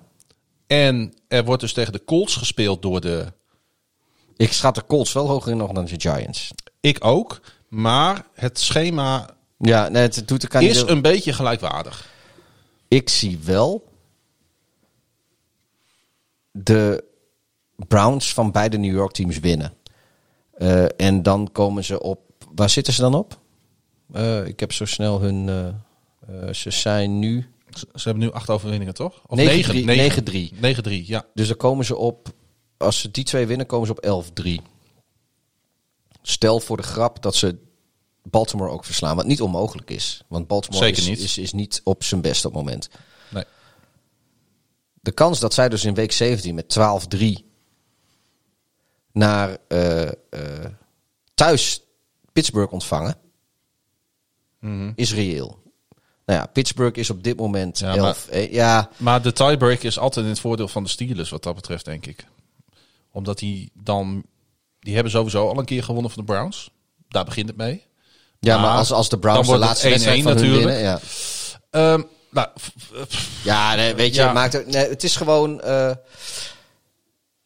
ja, ik, ik, ik vind volgens het leuk. mij zoek jij toch een beetje spanning die er nog niet is. Nou, ik, ik, vo- ik Laat vond, ik dat vond, gewoon eerlijk ja, zeggen. Ja, ja nee, ik, ik zoek het niet. Miles Garrett zoekt het. We weten na, af, na komend weekend meer. Maar Miles Daar wil ik het eigenlijk ja, wel even op Miles Garrett zoekt die spanning. En, Ja. eh, ik, ik, En we zoeken als kijkers die spanning en natuurlijk ik ook. ga alleen maar mee met Ja. dat ik eigenlijk de Steelers niet goed genoeg vind voor het record dat ze hebben. Weet je, daar moeten nog eigenlijk twee nederlagen bij. En even heel simpel gesteld, want dan halen we de Colts er ook even bij. Wie is nou de favoriet voor jou om de AFC South te winnen? Zijn dat nou die 8-4 Titans of zijn dat de 8-4 Colts? Ik denk nog steeds de Titans. Want ik, ze, kun, ze zijn allebei niet eh, super overtuigend. Maar de piek van de Titans ligt hoger dan die van de Colts. Dat heb je ook al gezien in de twee onderlinge confrontaties. Maar Daar ik zijn vind, ze de, ik 1-1 vind de. Colts iets meer steady. Die, he- die hebben niet die hele hoge pieken en ook niet die hele diepe dalen. Want de Titans, nou, die, die laten heel vaak in één wedstrijd, dat hebben ze ook tegen de Steelers laten zien, de Titans, Ja. eh, eh, kunnen ze echt een wedstrijd met twee gezichten spelen. En bij de Colts heb ik toch iets meer het idee dat er wat meer continuïteit in zit. Dat heb, heb je natuurlijk ook met een quarterback als Philip Rivers wat meer. Ja, ik, ik denk alleen dat de Titans, dat die, eh, k- kijk, de, die hadden, ja, kijk, ik, ik denk nog steeds dat zoals die eerste helft gespeeld werd eh, tussen de Browns en de Titans, een beetje geflatteerd. Nee, de Browns hebben terecht gewonnen en dat zij terecht, die namen ook terecht afstand. Eh, dat, da- daar doe ik allemaal niks aan af. Nou, laat ik het zo zeggen. Ik denk dat uiteindelijk Maar- de Colts defense Ik- de doorslaggevende factor is ten opzichte van de Titans defense. Ja, maar ik denk ook weer dat de Titans lastiger te verdedigen zijn dan de Colts. De Titans, Ja, dat hangt, maar, dat hangt echt af de- te- te- tegen welke met- defense nee, ze maar- spelen hoor. AJ Brown met Tannehill en Derrick Henry. Mhm. En eh, eh, ja, sorry, ik vind Tannehill beter dan Rivers dit seizoen. Eh, ik vind de running game van de Titans is misschien wel de beste in de league op het moment. Ja. En AJ Brown is low-key een van de beste receivers in de league. Want dat is eigenlijk gewoon een soort ballenvangende Derrick Henry. Want dan kun je gewoon twee safeties aan hangen. En dan loopt hij nog 20 jaar door Ja. of zo. Weet Plus je? hij is ongelooflijk atletisch, ook in zijn vangkunsten. Ja, en, voor, en, en nou ja, vooral hij is bizar atletisch voor, voor, voor het lichaam dat hij heeft. Want hij heeft het lichaam bijna van een, van een tight end of van een running back. Maar hij is gewoon Dat een wide klopt. Hij is, hij is, dit, dit is net als een... een, een je in ieder geval de kracht van een... Van een van nou, je ziet het ook wel eens bij Lymans. Dat je denkt van, oh, die, die, hoe komt die gast een meter vooruit? En dan opeens weten ze een beweging te maken. En dan weten ze bij de quarterback te komen. Hij heeft dat, maar dan op een andere positie. Ja, ik denk als de, als de Titans zelf niet imploderen, wat ze misschien wel een beetje deden tegen de Browns, dat zij. eh, eh, kijk, de Titans hebben niet zo'n denderende defense, maar de Colts hebben niet een hele denderende offense. En ik denk wel dat, dat, dat wat de Titans aanvallend kunnen laten zien, dat dat beter is dan wat de Colts verdedigend kunnen laten zien. Maar goed, we gaan het zien. Ik, ik, ik geef de, het voordeel aan de, aan de Titans. Hebben wij nog een eh, lekker biertje van de, van de biertoppen.nl? Of moet je daarvoor even naar de koelkast? Dan moet ik eh, even naar de. Hoe ver. eh, Nou, als jij die nou zo haalt, dan ga ik heel kort vertellen wat mij opviel over de Colts at de Texans. Want dat was op zich niet de uitslag, want dat de Colts zouden winnen bij de Texans. Dat had ik wel een klein beetje verwacht. Maar ik zag na de wedstrijd een beeld van Deshaun Watson, de quarterback van de Houston Texans. Die ja, op de bank eh, minutenlang met een handdoek over zijn hoofd eh, bleef zitten. Wat je ook wel eens bij tennis ziet als ze een eh, belangrijke wedstrijd hebben verloren. Met zijn hoofd in zijn handen. Want de Texans, die geloofden echt in een overwinning op de Colts. En dat zou heel knap zijn geweest. Maar het was uitgerekend Watson die ja, als enige speler in die hele Texans-organisatie wel presteert. Die, ja, die low snap fumblede. Waardoor de wedstrijd over was. En ik zal je heel eerlijk zeggen, ik noemde het in onze intro alweer een uur en 42 minuten geleden. Dat Jezus. door de wedstrijden op maandag en dinsdag zou je bijna vergeten wat een tumultueuze red zone we weer hebben gezien afgelopen zondag. Ja, met wat er gebeurde, bij, wat er gebeurde in de, New York, tussen de, de Raiders en de Jets, eh, tussen de, in, de, De Colts en de, Texans. en de, Bears en de, Bears Lions. en de Lions. Maar Ja. ook zeker Colts Texans. Want ik zat echt... Kijk, want Ah, ja, ja, de- uitslagen hebben nu... Ja, ik, Watson kon daar niks aan doen. Oké. Ik, ik snap dat hij zich verantwoordelijk voelt, want hij doet het wel. Maar hij kon er niet zoveel aan doen. los van dat, uitslagen hebben in deze fase van het seizoen ongelofelijke playoff implicaties. Ja, ik, ik wil je daar een beetje op corrigeren. Uitslagen zijn ongeacht waar in het seizoen altijd even belangrijk. Maar Alleen nu- in deze fase van het seizoen wordt per uitslag direct duidelijk wat de implicaties zijn. Juist. Als jij week 2 verliest, dan is nog niet duidelijk wat de implicaties zijn. Als jij week 12 of 13, Ja. 14 verliest, dan zie je meteen. En Helemaal. daarom voelen ze. Helemaal eens. Maar daarom waren die overwinningen van de Raiders in New York en de Colts in Houston natuurlijk ontzettend belangrijk voor de playoff picture in de AFC. Want de, voor- vooral voor de teams inderdaad in de hand. Nou eh, ja, met name natuurlijk de, de Ravens en ik denk ook de, de Patriots en, de, en, de, en onze vrienden uit Miami. Die zaten toch stilletjes te hopen dat, want ze waren er bijna, hè, de Houston Texans. Ze stonden op een paar meter voor de endzone van, van de Colts. ik denk, dit gaat ze gewoon lukken. Ik denk, Ja. de Colts gaan verliezen in Houston. En dan ge- gebeurt dit. En ik, ja... Ik zat een beetje op mijn knieën, zat ik eh, tot, tot, tot, tot, tot hogere machten zat ik te bidden. Dat, dat, dat Deshaun Watson. Grijp jij daar het je, de, je, je lijntje naar de hoge macht ook vooraan? Ja, tuurlijk. Nou, snap ik wel. Zou ik ook doen. Want zo ben ik. Nee, eh, ik vond het een bijzonder moment. En ik vond het echt. Ik, nou ja, ik heb al wel vaker. en- hebben wij gezegd. Wij hebben eigenlijk met die paar goede spelers die de Houston Texans hebben. Hebben we eigenlijk gewoon te doen. Omdat ze in zo'n ongelooflijke klote organisatie op dit moment hun werk moeten doen. Maar de Sean Watson was er, er, lag er nu voor het eerst helemaal af. Ja, Die had dit- het helemaal gehad. Ik denk ook, want, want met alles wat er aan de hand was, eh, was dit ook echt heel duidelijk dat hij zich hier de volle verantwoordelijkheid kon nemen. Ongeacht of die snap goed was of niet. Eh, kijk, als, als de defense op het laatst nog wat weggeeft, of je geeft een, een, een ergens in het derde kwart een pick six weg, waar je uiteindelijk net niet meer te boven komt. Weet je, dat, dat is allemaal wat abstracter. Dit, is net wat we net zeiden, van als je in week 2 verliest, dan zijn de implicaties minder duidelijk dan Ja. als je in eh, week, week 14 verliest. Als jij eh, met een paar punten, wat was het, vier punten achter, geloof ik? Volgens mij moesten ze een Eh, ja, touchdown nee, maken zes, winnen. zes punten. Oh, zes punten. Dus- Whatever, maar in ieder geval Dus één met een touchdown. en een PAT hadden ze de wedstrijd Ja. gewonnen. Ja. Als jij eh, op, de, op, de, op de endzone van de tegenstander staat te kloppen en je vernachelt de bal vlak voor het einde van de wedstrijd, dan, dan, dan is het klaar. Dat, ja. de- hetzelfde met eh, bijvoorbeeld ook die, die fumble van Trubisky. Als dat in het tweede kwart gebeurt, vlak voor rust, is het kut. En dan lach je erom, maar er is er niks aan de hand. Maar het gebeurt vlak voor het einde. Ja.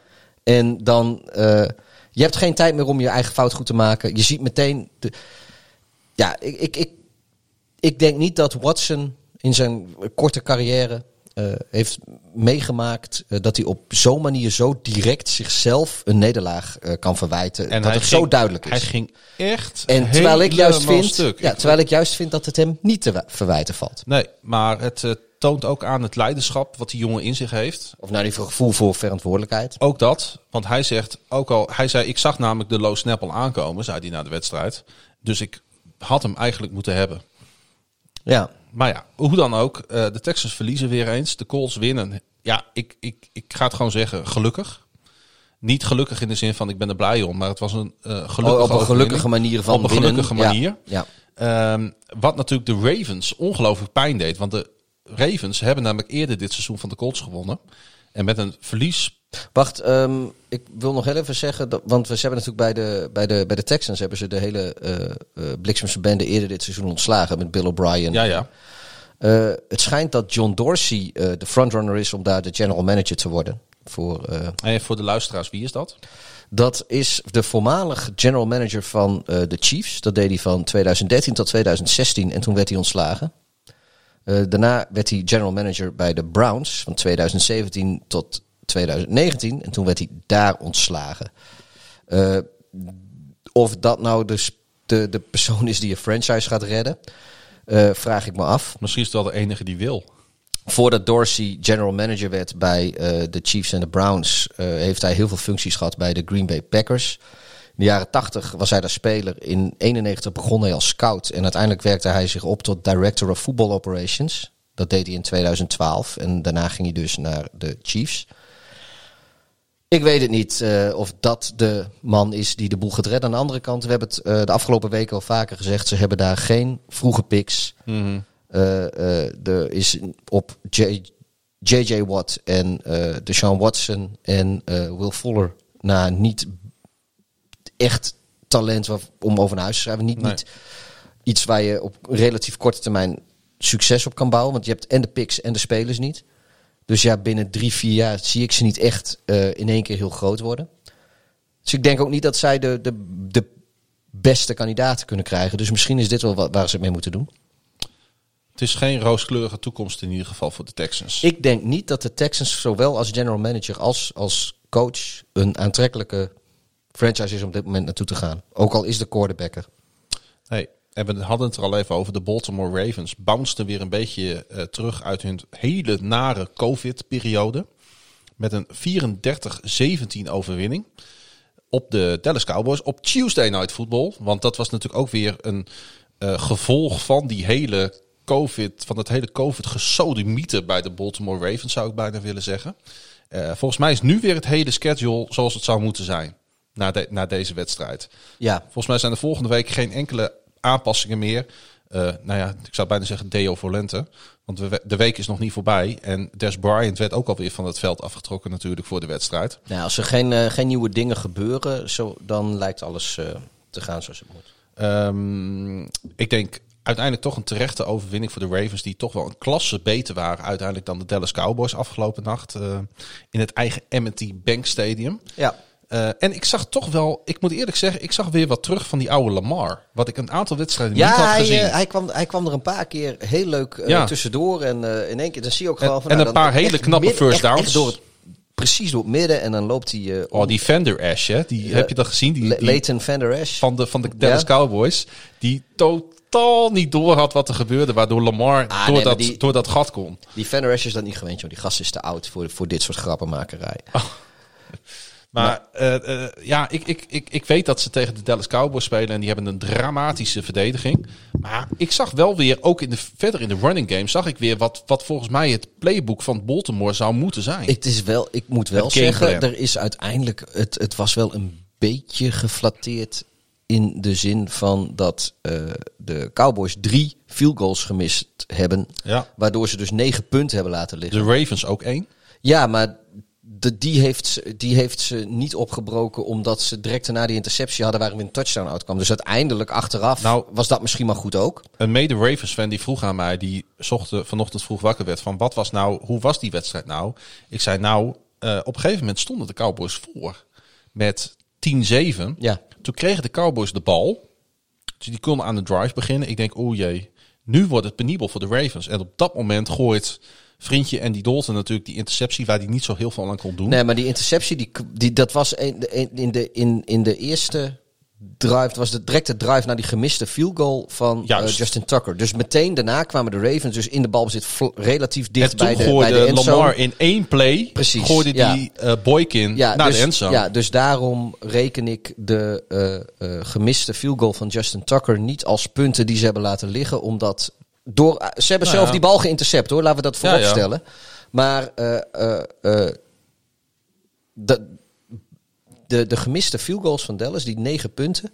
Dat doen goede defenses dus voor je team, hè? Ja, nee, ja dat, nee, dat klopt. Dat, dat, dat, dat is ook zo. Maar kijk, Baltimore als team heeft niks bijgedragen aan die negen gemiste punten van Dallas. Nee, dat klopt. Dat, dat, dat heeft niks met de kwaliteiten van Baltimore te maken. Hoewel, ik vond Andy Dalton namelijk een erg goede wedstrijd spelen. En de Ravens wisten wel steeds op third down. Ja, nee, ja, nee, nee, nee, daar, dat, dat, eh, dat, ja, nee dat, dat, dat, dat is ook wel zo. want Maar een het- 52 het zijn yard gewoon field goal is die- een heel ander verhaal dan een 29 yard field goal natuurlijk. Ja, nee, dat, dat is waar. Ehm, ehm, maar waar ik naartoe wil is, is dat, dat al, als, die, als Greg Shoreline die, die field goals gewoon had gemaakt, was het een andere wedstrijd geweest. Mhm. En dat kan maar, maar, eh, kijk, Justin Tucker, dat is natuurlijk niet de eerste, de beste wat betreft field goals maken in de NFL. Nee. Ook al miste die er gisteren eentje. Zeldzaam. Die zegt, M&T Bank is een van de moeilijkste stadions om field goals te kicken in de NFL sinds de nieuwe scoreborden Sinds de hoeken. Ja. eh, er zijn.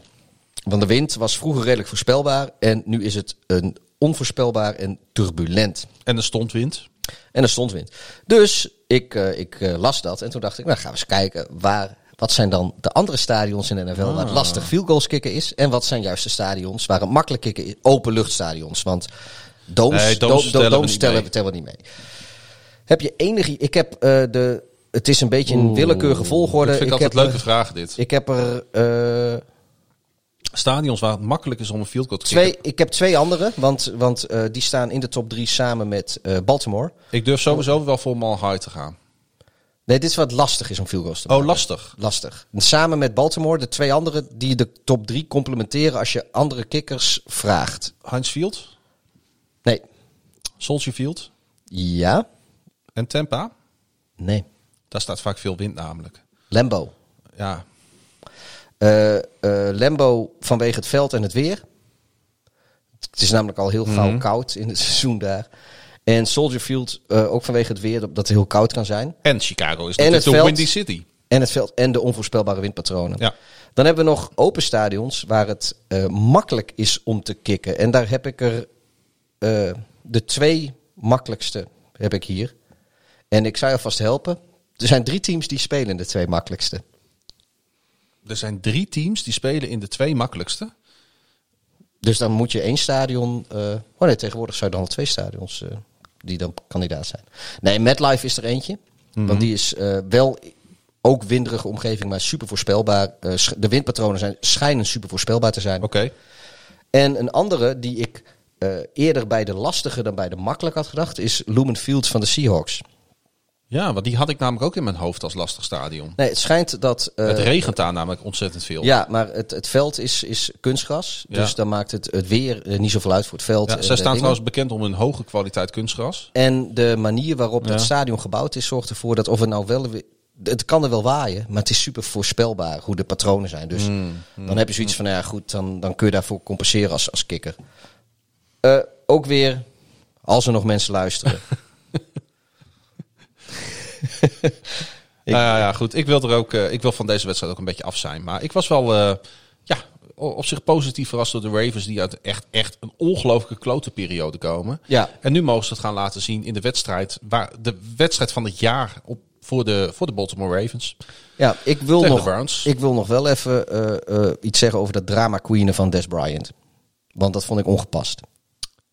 Jij zucht al. Ik ik kon er wel een beetje om lachen trouwens afgelopen Ik nacht. kon er eigenlijk, ik, ja, ik vond, ik vond die tweets van hem, ik vond het, eh, eh, aanvankelijk vond ik het ook grappig. En toen ging ik er iets dieper over nadenken. En toen dacht ik van, jezus jongen, wat ben je nou voor enorm zeikwijf. Want je verdient miljoenen met doen waar iedereen alleen maar van kan dromen. Je, je, we zitten midden in een fucking pandemie, die zeker in de Verenigde Staten... eh, niet alleen miljoenen mensen hun baan gekost heeft, maar ook miljoenen mensen hun ziektekostenverzekering heeft gekost. Want dat is zoals Amerika de samenleving in elkaar zit. Gaan we nu verder niet op in. Maar goed, hij mist één wedstrijd. Toegegeven tegen zijn oude team. Keek hij heel erg naar uit. Maar hij mag een wedstrijdje even niet meedoen. En hij gaat als, echt als een klein kind zitten jeremiëren op internet. Over hoe verschrikkelijk het wel die is. En dat hij klaar is met het seizoen. Hij had een totale meltdown op Twitter. Ja, Oh, ja. Eh, Terwijl er dus miljoenen mensen zijn die niet alleen hun baan, maar ook hun ziektekostenverzekering kwijt. Hij heeft de beschikking tot de allerbeste medische zorg die je kan krijgen in de VS. Hij wordt iedere dag getest, terwijl andere mensen een test niet eens kunnen veroorloven. Ik vond het zo toondoof achteraf. in het licht van COVID geef ik je helemaal gelijk. Eh, maar ik heb volkomen begrip voor de frustratie van Des Bryant. Die natuurlijk niet had gedacht dat hij misschien ooit nog een kans in de NFL zou krijgen. Dan staat hij weer sinds één wedstrijd op het active roster. En tegen wie speelt zijn team dan? Mhm. Zijn oude club. Zijn oude Ja, club, de ja, Dallas Cowboys. ja, tuurlijk, maar denk Dus ik, de frustratie Jezus, heb ik eigenlijk alle begrip voor. Read the room. Maar het is niet het moment. Nee, kijk, eh, eh, En het is niet het, het, het, het, het- Toen Virgil van Dijk van Southampton naar Liverpool ging. eh, een van de dingen die Van Dijk toen zei, waarin hij kon merken dat. Er zijn ook heel veel dingen waarin Liverpool een veel grotere club is dan Southampton. Maar een van de dingen was is dat eh Virgil van Dijk moest al zijn social media credentials inleveren bij het social media team van Liverpool. Want zijn Insta en zijn Twitter en whatever, dat, eh, daar had hij niet meer het alleenrecht op. En in dit geval zou het misschien niet gek zijn als de Ravens eh, ook zeggen van, nou, eh, Des Bryant, met alle respect, maar past helemaal niet bij de Amerikaanse cultuur trouwens. wat je nu nee, zegt. maar, je, nee, maar ja. je snapt wat ik bedoel. Ik snap wat je bedoelt. Ja, hij heeft de raarste dingen getweet. Hij zegt: Ik wil dat jullie allemaal nu een fles wijn opentrekken, een glas nemen en daar een foto van maken en dat naar mij toesturen. Want Ja, want hier, hij ga, ook want aan de hier ga je toch van aan de drank en Ja, dat soort nee, dingen heeft hij getweet. ik, ik zeg niet dat ik me niet kan identificeren met die man. Ik wou net zeggen. En ik, ik, Ho even. Ik heb me eigenlijk, wijn. het, het- ik heb me eigenlijk ko- kostelijk vermaakt tijdens het wedstrijd Nee, met het lezen van die tweets. En daar kwam er weer een binnen. Ik denk, Klopt, oh, nee, nee dat, dat klopt ook. Het was, Ja. ook. het was ook leuk. Maar ik, ik, ik zat er dus. eh, nou, ik, was, ik kon niet drinken afgelopen nacht. En ik zat dat allemaal een beetje mee te krijgen. En op een gegeven moment had ik wel zoiets van.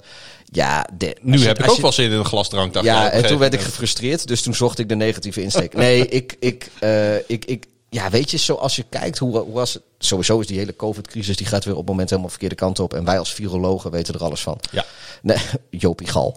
Maar ehm, nee, ik, de manier waarop eh, eh, eh, Des Bryant daar eigenlijk dat helemaal op zichzelf betrok. En hoe hij als publiek figuur in, in deze tijd van pandemie zichzelf een slachtofferrol indrukte omdat hij één wedstrijd niet kon spelen en misschien daardoor een premie verliest, maar wel enorm veel geld. Ja. Ik, ik vond dat heel toondoof. Oké, hey, ik moet, Ja, we gaan verder. ik moet Moeten. op de- om de klok denken. Ja. Want wij mogen niet over de 2,5 uur eh, heen gaan van onszelf. Ehm, eh, maar we, hebben, we hebben ook nog een hoofdsponsor.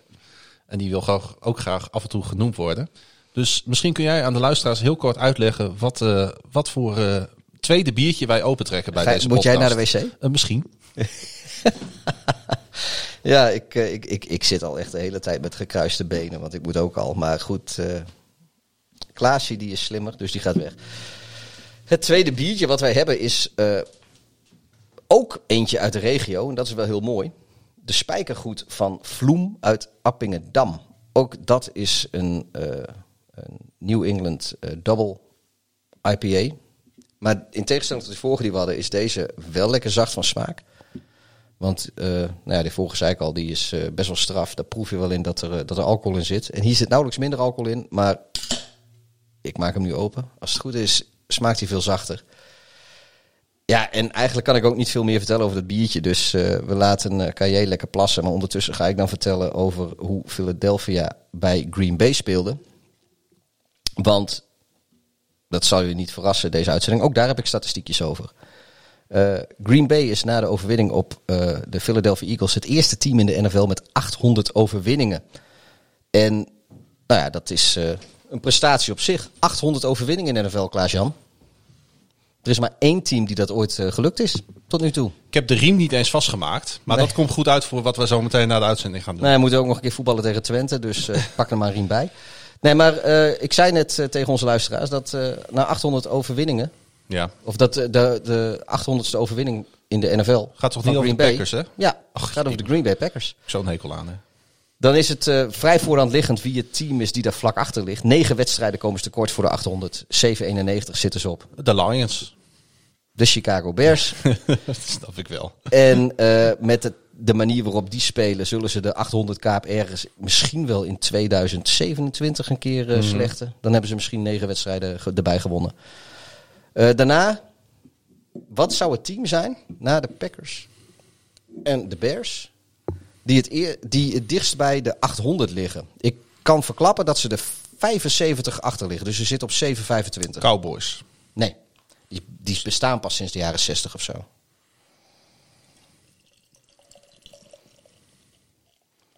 Het is een oud team, maar niet zo'n knakenteam als bijvoorbeeld de Browns of the De Lions. Giants? De Giants. Ik ja. moest even nadenken. Het zijn de New York Giants. Die, uh, het zijn de de, is het derde team in, de, in het rij. Dat heb ik ook een keer een vraag goed. Nou ja, in derde instantie dan. nou, maakt niet uit. Oké, okay, maar in ieder geval de Packers wonnen, uh, nou niet heel verrassend van de Eagles. Eagles maakten er wel heel lang een wedstrijd van. Want ik had, heb heel lang toch, en dat hebben de Eagles wel vaker.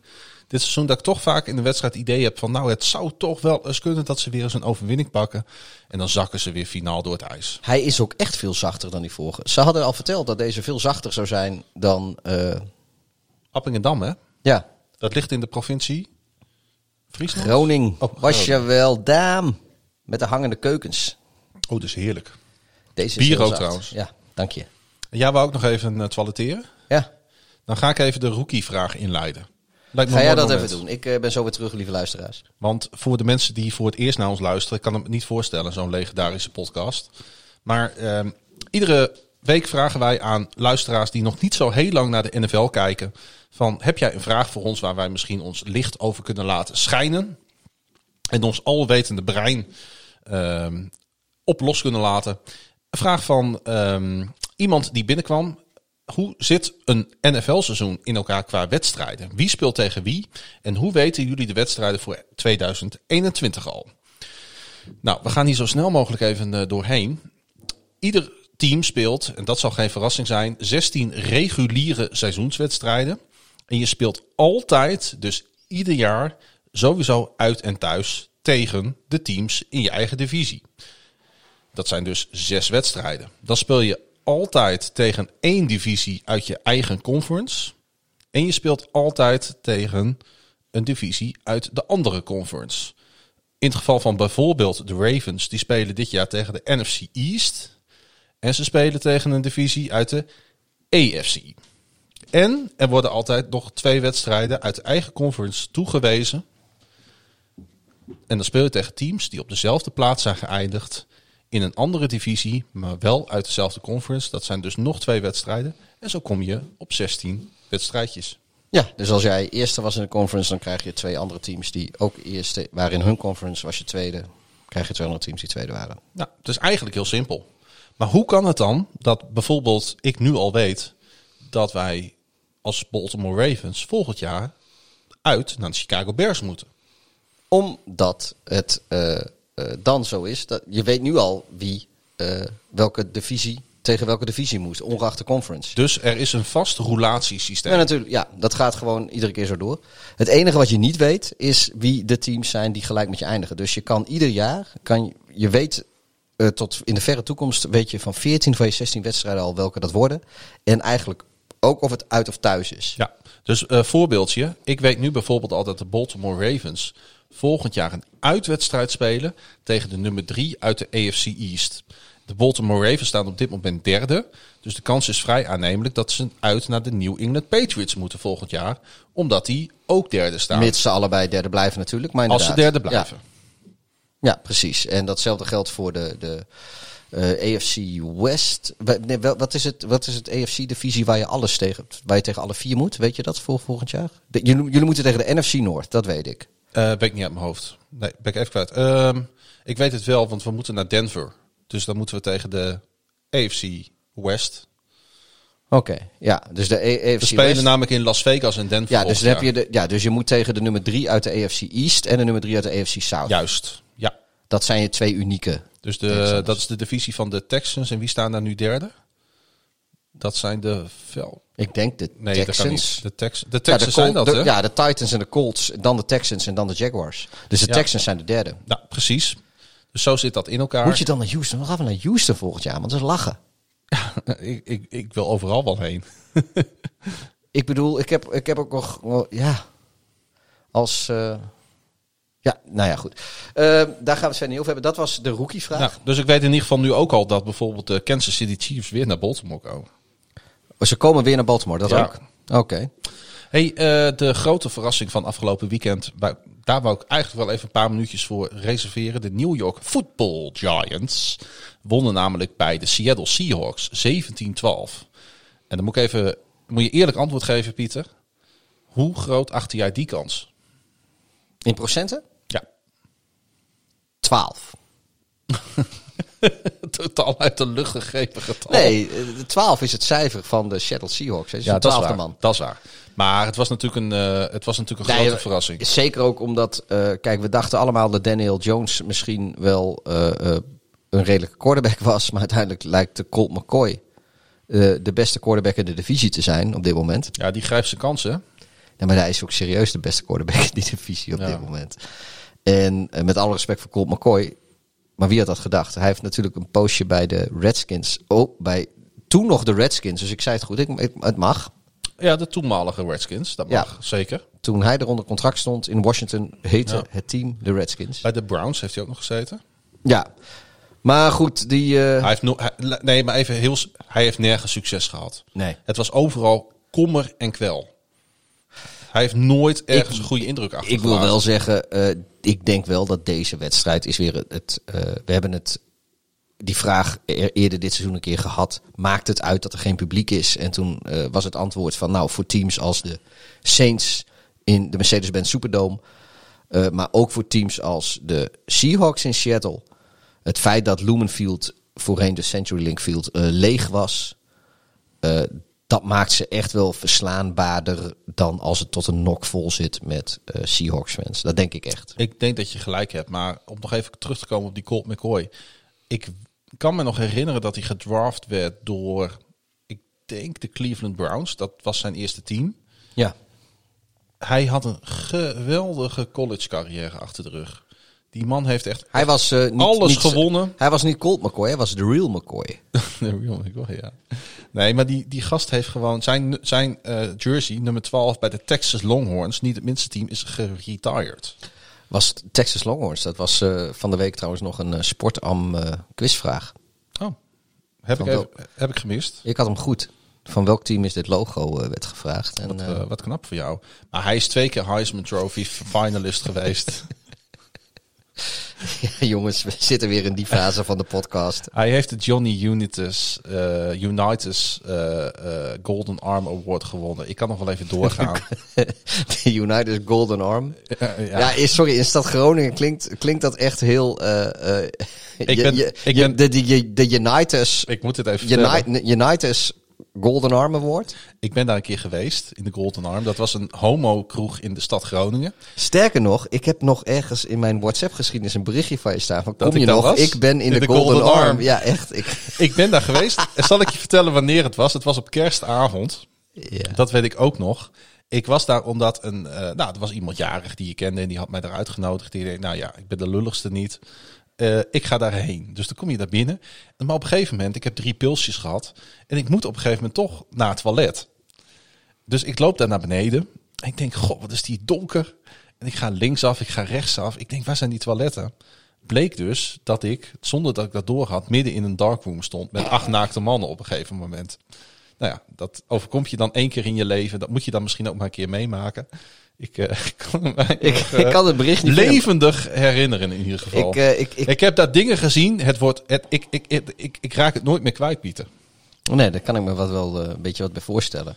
Ik En- heb een soort gelijke ervaring, maar dat was in Amsterdam. En daar gaan we het nu niet over. Dat is misschien ook iets voor het off-season. Off-season. dus hoe kom je van Colt McCoy bij de Golden Arm? Eh, een kroeg die trouwens niet meer bestaat, zit nu een evangelische studentenvereniging in. Die, die, is dat die pilots? Of die navigators? Ja. Die, eh, die zeg maar buiten, die, die zeg maar met heel veel bier bijbelstudie doen. Ja, maar goed, gaan we het ook niet. Allegedly. Allegedly, precies. Eh hey, de Giants winnen dus van de Seahawks. En ik, ja, manifesteren zij zich nou als favoriet voor die divisie, NFC East? Of zijn het toch de Washington voetbalteam waar we het eerder over hadden? Want ze zijn allebei in vorm aan het raken. Ja, het, ik, ik, doe, ik, Het is wel genieten van deze ja, twee teams ik, op dit zou, moment. ik zou denken van, we- weet je, voor- tot vorige week dacht ik, ja, die Giants die gaan die divisie gewoon winnen. Want de, de Eagles zijn gewoon klaar. Mhm. De Cowboys ook. Ehm, maar Washington doet weer vol mee. Ehm, ik, ik, ja, ik weet het echt niet. Nee, ik ook niet. Wat wel grappig is, is dat... eh, Ze staan ook gelijk, dus het is ook heel lastig callen op dit moment. Ja, volgens mij heeft, eh, hebben de Giants hebben wel twee keer Ja. gewonnen natuurlijk van, eh van Washington voetbalteam. Dus die hebben echt wel de tiebreaker. Dus Washington speelt niet meer tegen de Giants. Dus die hebben het niet meer in eigen hand in Mhm. die zin. Ehm, Odell Beckham Jr., niet onbekend, dat is een geblesseerde receiver van de Browns. groot geworden bij de Giants. Die heeft van de week, was hij te gast in een podcast. Dat heet All Things Covered.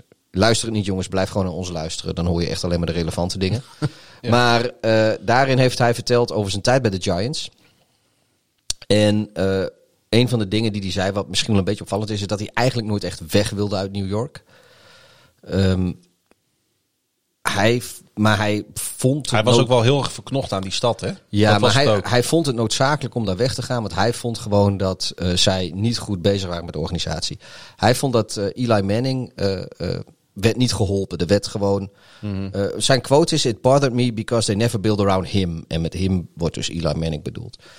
Uh, we were just drafting, but we were, we were just drafting and not building an organization and a franchise.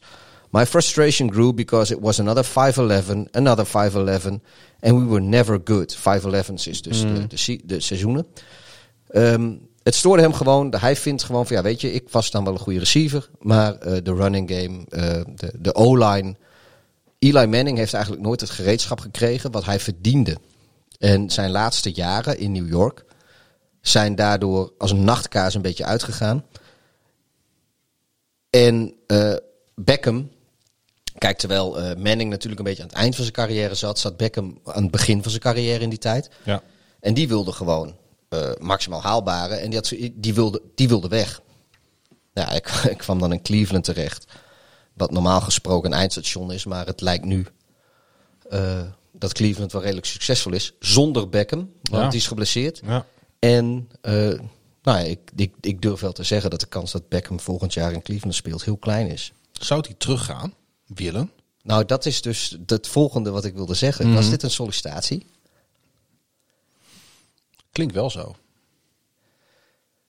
Ja. Maar goed, voor, voor wat het waard is. Ik, Maar dan eh, zal hij wel iets moeten inleveren. Want als hij graag wil, ja, dan eh, zitten de Giants natuurlijk eh, goed aan de onderhandelingstafel. Ja, kijk, of hij wil gewoon. ehm, weet je, dit is een beetje een tweeledige opmerking. Aan de ene kant zit hij nu heel redelijk te praten over een organisatie waar hij zelf destijds een vertrek forceerde. Want hij heeft toen wat lelijke dingen gezegd over Eli Manning, die hij nu dus eigenlijk allemaal terugneemt. Dus dan klinkt hij als een drama queen. Plus je hebt een beetje die negatieve publiciteit van het schijnt dat, dat hij het leuk vindt als mensen op zijn borst poepen en weet ik wat allemaal. Weet je, dat soort, dat soort dingen, dat, dat speelt ook mee. Ik zie jou nu een heel moeilijk gezicht trekken. Ken je dit verhaal? Ja, ik ken het verhaal, ja. Oké, dus dan hoef, ik, nee, dan hoef ik verder dat niet uit te, uit te leggen. Nee. Google, Google het maar eh, voor de luisteraars. Ik heb geen zin om erover te praten. maar ehm, of hij wil eh, terug naar de, naar de Giants, of hij is bezig met zichzelf redelijk neerzetten voor eventuele andere organisaties. Maar ik denk echt dat zijn langste tijd in Cleveland geweest is. Oké. Maar of dit interview hem nou helpt, Ja. ik weet het niet. Zijn persoonlijkheid is natuurlijk altijd veel over te doen. Maar de Giants winnen dus vier wedstrijden op rij. De Washington voetbalteam drie wedstrijden op rij. En het wordt opeens leuk bovenin daar bij die divisie. Het was al leuk, maar de kwaliteit komt gelukkig nu ook nog een klein beetje bovendrijven. Er is nog steeds een hele kleine kans dat er twee teams uit de NFC East de playoffs ingaan. Dat zou wat zijn. Daar, daar, daar verwed ik mijn huizen op. Want om. Maar, die zes, eh, maar 16 is denk ik niet meer genoeg. Wat wij in het begin van het seizoen nog dachten. Nee, nee, dat wordt hem niet meer. En als Dat ik klopt. kijk naar hoe de, eh, eh, het voetbalteam, de Washington voetbalteam tegen de, tegen de Steelers speelde. En wat de Giants de laatste weken laten zien. We hebben ook eerder dit seizoen wel eens gezegd van... nou, misschien kan het wel eens lonen om die wildcard plek te pakken... waarmee je tegen de divisiewinnaar van de NFC East moet spelen. Ik weet nu niet of dat nog zo'n leuke plek is. Want het, ik, ik zie daar ook... Ik zie een, een NFC East team ook zomaar die eerste playoff ronde winnen... En dan in één keer in de divisional round staan van, nou jongens, kom maar op. En dan is het een crapshoot, dan kun je alles winnen. Ja. ja. Zou toch bizar zijn dat je straks een Super Bowl krijgt tussen de Cleveland Browns en de Washington Redskins of zo. De Washington Redskins die spelen. Oh, sorry. De Washington voetbalteam. Doe ik het toch weer? Ik, Het ging zo lang goed. Het ging al, eh, wat is het, twee uur en een kwartier goed. We spelen, eh, de, de teams in de NFL spelen natuurlijk nu nog vier wedstrijden. Wij hebben ook nog vier wedstrijden te gaan. De Rams at Arizona. Makkelijke overwinning hè, voor de Rams eigenlijk. Ja, Ondanks dat ik de Cardinals 28 punten op het bord wisten te zetten, heb, heb ik nooit het idee gehad dat de Rams die wedstrijd niet zouden winnen. Rams zijn denk ik het sterkste team in de NFC op het moment. En Dat fluctueert ook een beetje per week, hè? Wie dat nee, zijn. maar wat zij nu een aantal weken op rij laten zien. De enige concurrent zou Green Bay zijn. Nou, Maar ik denk dat de Rams taaier zijn. ik vind ondanks dat de Saints zonder eh Breeze spelen, vind ik die toch ook wel. eh, Oké, maar, ja, ja, maar goed. Ik denk dat de Rams het sterkste team zijn in de, in de NFC op dit moment. ik ben wel fan van ze. En ik ben ook fan Ik ben van geen de fan van ze. Nee, nou, ik ben niet... Nee, ik snap wel wat je bedoelt. Ik ben ook geen fan van ze. Maar ik ben wel fan van wat Sean McVay daar wederom neerzet. Ja, Als liefhebber van het spelletje heb ik ongelooflijk veel waardering voor wat zij aan beide kanten van de bal laten zien. Ik vind het heel knap. ik ook. Maar het was een makkelijke overwinning. Ja, eh, de Cardinals hebben eh, twee wedstrijden zonder eh, Larry Fitzgerald moeten spelen. Vinden wij heel jammer, want iedereen houdt van Larry Fitz. Absoluut.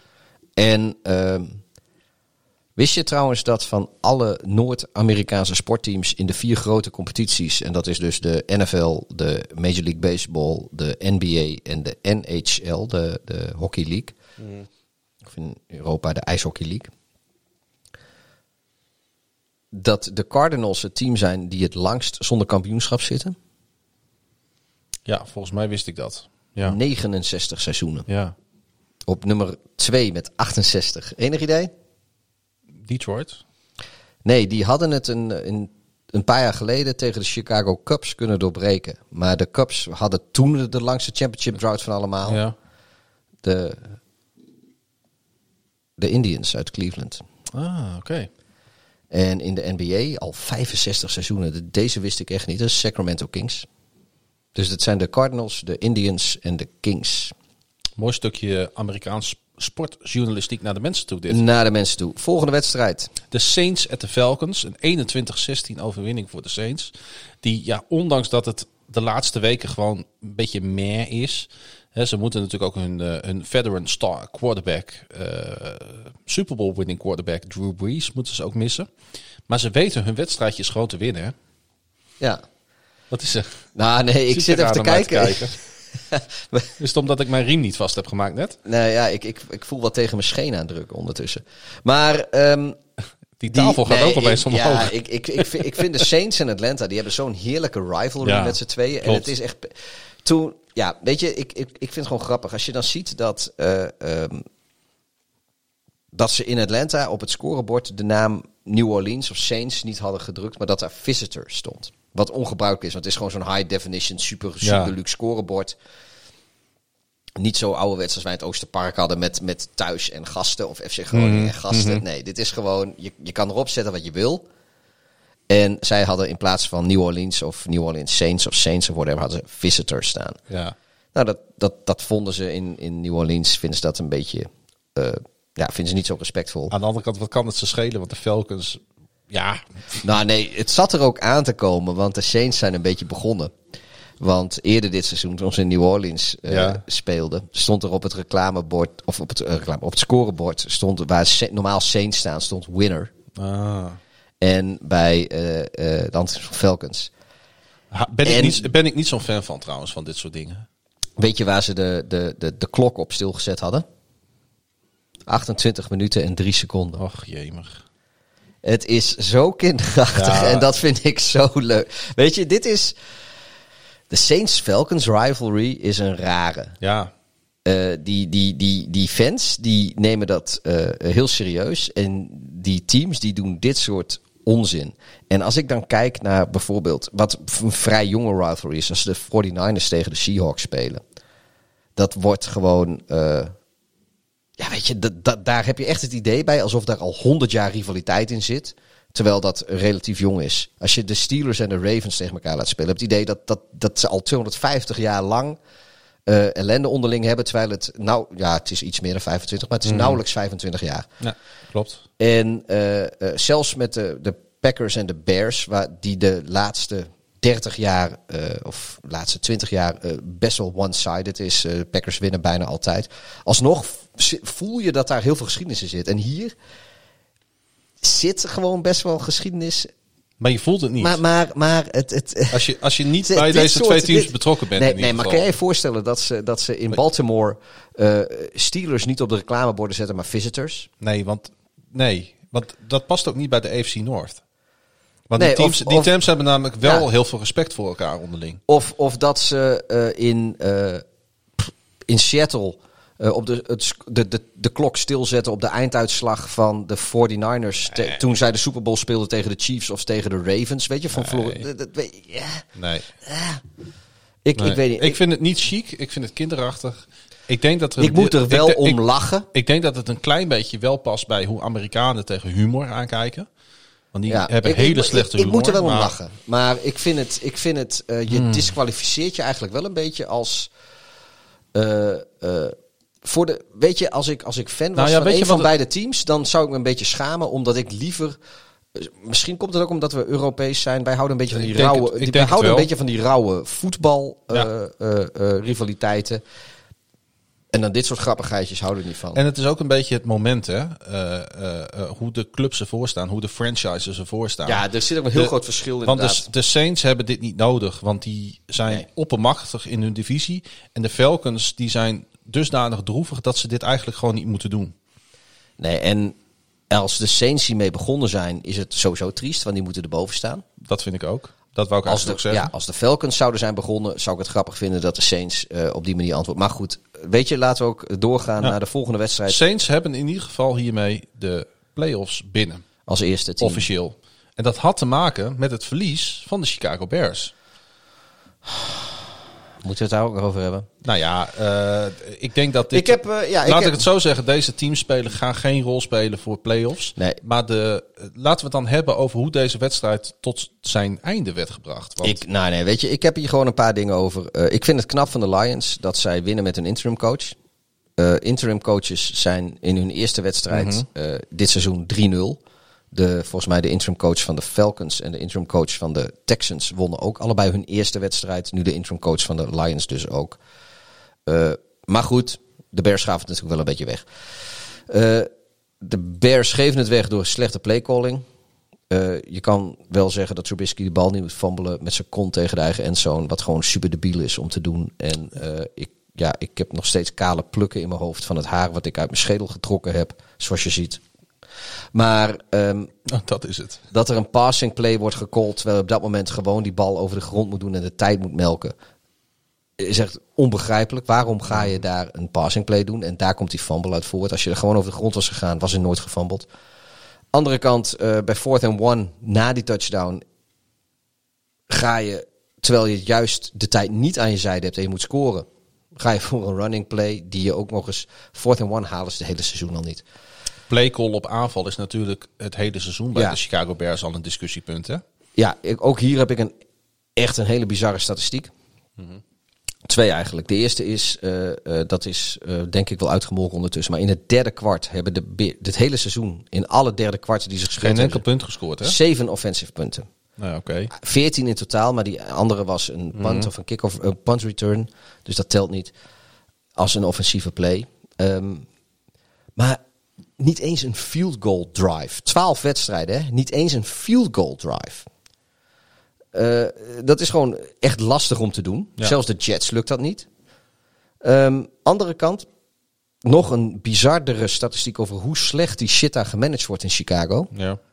12 timeouts zijn er gecallt, uh, terwijl de Bears de bal hadden, dus in de aanval waren, die niet in een two-minute warning waren. Dus in, in het wedstrijdverloop. En dan call je dus die timeouts om iets te doen. Ja, niet op tijd de wissels van het veld. Het, niet op tijd de Het is niet om de klok te stil te zetten. Het is, niet, het is om iets te doen. Precies. Twaalf keer is dat gebeurd dit seizoen. Twaalf wedstrijden, twaalf keer hebben ze de klok stilgezet om iets te doen. Maar moet je, moeten Tien van die twaalf keren was de play na de timeout van de Bears desastreus. En met desastreus bedoel ik dus een sack, een interceptie of een penalty. Dus je hebt 30 extra seconden om je play mhm. voor te bereiden. En wat je ook doet in die 30 seconden zorgt ervoor dat je eigenlijk slechter. Sterker nog, na een timeout zijn de Bears statistisch slechter in hun play calling dan zonder timeout. En ik weet, ik heb dat eigenlijk nooit weggezet tegen de statistieken van andere teams. Maar volgens mij is dat, dat echt heel bijzonder om te doen. Maar als je dan fan van zo'n team als de Chicago Bears bent en je leest dit en je ziet dit, je kijkt iedere wedstrijd. Ja, huil ik. Dan ga je huilen. Ja, ik, ik bel je ook wel eens op, snikkend. Ga je toch spontaan van aan de drugs, joh? Ja, nou, mis... Al alcohol is ook drugs.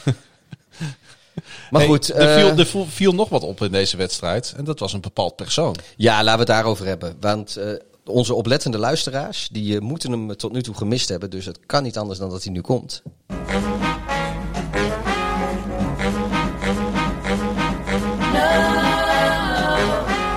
Don't you wanna know? Don't you wanna know? Who's that man? Voor de tweede keer dit seizoen zit onze Who's That Man uh, uh, onder contract bij de Detroit Lions. Want wie was het ook alweer? Uh, dat was Danny Shelton, hè? Danny Shelton was volgens mij ook onze eerste Who's That Man ooit. Ja. En wie is het nu, Pieter? Odai Abushi. Wie? Odai Abushi. Uh, het is een offensive guard. Speelt dit seizoen voor Detroit. Uh, hij is in 2013 uh, eh, al, al, gedraft in de vijfde ronde door de New York Jets. En sindsdien is hij ieder seizoen actief geweest in de NFL. twee seizoenen bij de Jets. Sindsdien voor de Texans, de Seahawks, de Raiders, de Cardinals en nu dus de Lions.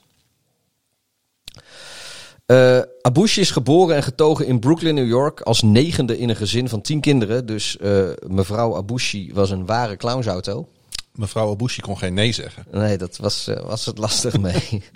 uh, maar het bijzondere aan uh, Odai Abushi is dat hij nogal politiek uitgesproken is. En dat zie je niet vaak bij Amerikaanse sporters. En daarbovenop is hij uitgesproken in een controversieel standpunt. Namelijk de Palestijnse kwestie.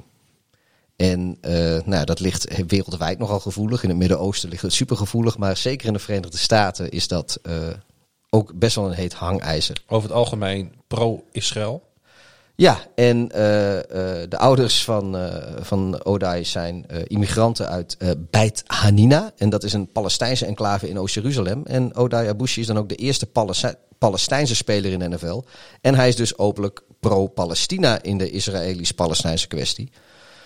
Eh, hij gebruikt zijn positie als NFL-speler regelmatig om de Palestijnse kwestie onder de aandacht te brengen. En hij spoort mensen ook nog eens aan om een goed moslim te zijn. Eh, eh, weet je, de, het vijf keer bidden richting Mekka, meedoen aan de Ramadan. Hij heeft ook de afgelopen jaren steeds in trainingcamp meegedaan aan de Ramadan. Terwijl dat best wel pittig is. Dus hij is niet alleen. eh, hij, hij, de, dog- de dogmatiek vindt hij ook belangrijk. Ja, hij, hij spoort ook mensen actief aan om een, een goed moslim te zijn. En in zijn beeld is dat dan ook, eh, eh, ook heel vredelievend en vroom en trouw.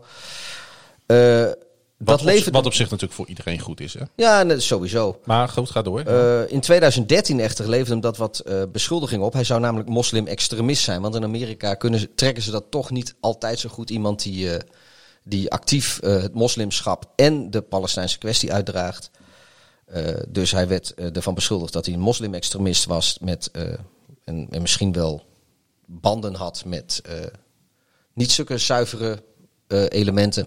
De NFL heeft dat onderzocht. Die hebben niks kunnen vinden. Dus uiteindelijk kwam de Anti-Defamation League, dat is een Amerikaanse organisatie die zich inzet tegen racisme en hate crimes, met een statement. Hij is eigenlijk vals beschuldigd als ik dit zo. Eigenlijk, ja, ze hebben dat, het is Ja. al onderzocht. De NFL kon niks vinden. Eh, en de Anti-Defamation League die kwam dus met een statement waarin ze zeiden van joh, als je pro-Palestijns bent eh, qua standpunt en je, je draagt een, een, het, het moslimgeloof actief uit, dat maakt je niet antisemiet of extremist. Eh, gelukkig voor hem, sinds dat incident hebben vijf verschillende teams hem nog onder contract genomen. Dus nadelige gevolgen heeft het voor zijn carrière niet gehad, eh, zoals we het nu kunnen zien. Hij is eh, ook goed bezig met, eh, met ontwikkelingshulp. In heel specifiek ook, echt, echt super specifiek. In 2014 en 2015 is hij afgereisd naar Soudaan om als operatiekameraassistent te helpen bij plastische chirurgie voor mensen met een hazenlip. Ja, ik vind, ik vind dat zo, ik vond het zo specifiek. Ehm, Ja, ik vind het een prachtig Ja. feitje. hij hanteerde dus niet eh, zelf de scalpel, maar hij was wel degelijk aanwezig in de operatiekamer om eh, de patiënten de infuus en zo aan te brengen, whatever. Maar goed, nu speelt hij voor de Lions. De laatste paar wedstrijden speelt hij ook echt alle snaps Ja. als offensive guard. Ja. Of hij er volgend jaar nog speelt, durf ik niet te zeggen. Hij is een typische journeyman speler. Hij is nooit langdurig onder contract bij hetzelfde team. Eh, meestal maar een seizoenetje, hooguit twee. Maar hij heeft altijd wel ergens een contract. En eh, Nou, hij, nou, hij, Odai Abushi was dus deze week onze Who's That Man. hij heeft een mooi verhaal.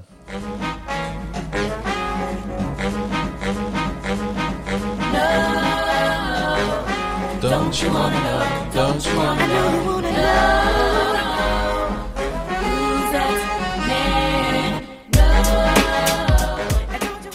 De Who's That Man van deze week. En dat eh, de rest ons nog één wedstrijd ehm, waarvan we de uitslag niet genoemd hebben. Dat is de wedstrijd tussen de Jacksonville Jaguars die op bezoek gingen bij de Minnesota Vikings. 24-27 overwinning je vergeten was. voor Minnesota. Ik, dat, dat, dat is ook niet leuk dat je dit nu... Het, nou, het, er, is, er waren maar twee teams met een bye. En eh, het zijn op een gegeven moment zoveel wedstrijden. Als je deze show... eh, met, met de lengte van de show die wij ervan maken zit voor te bereiden. Ja, dan wil je wel eens een wedstrijd over het hoofd zien. En het is misschien niet heel raar dat dat juist Jacksonville is. Zit er nog wat in in het blik? Ja, natuurlijk. We hebben nog een, een, een, een biertopper blikje uit, eh, uit Leeds. Oh, maar Een brouwerij Wild Child en het BJ Drenched in Darkness. En het is een eh, 8% eh, IPA met natuurlijk weer double dry hopped, double IPA. ik ben nu zo blij dat ik over een paar uur alweer moet opstaan voor mijn eerste afspraak en morgen. Maar goed. Je moet ook.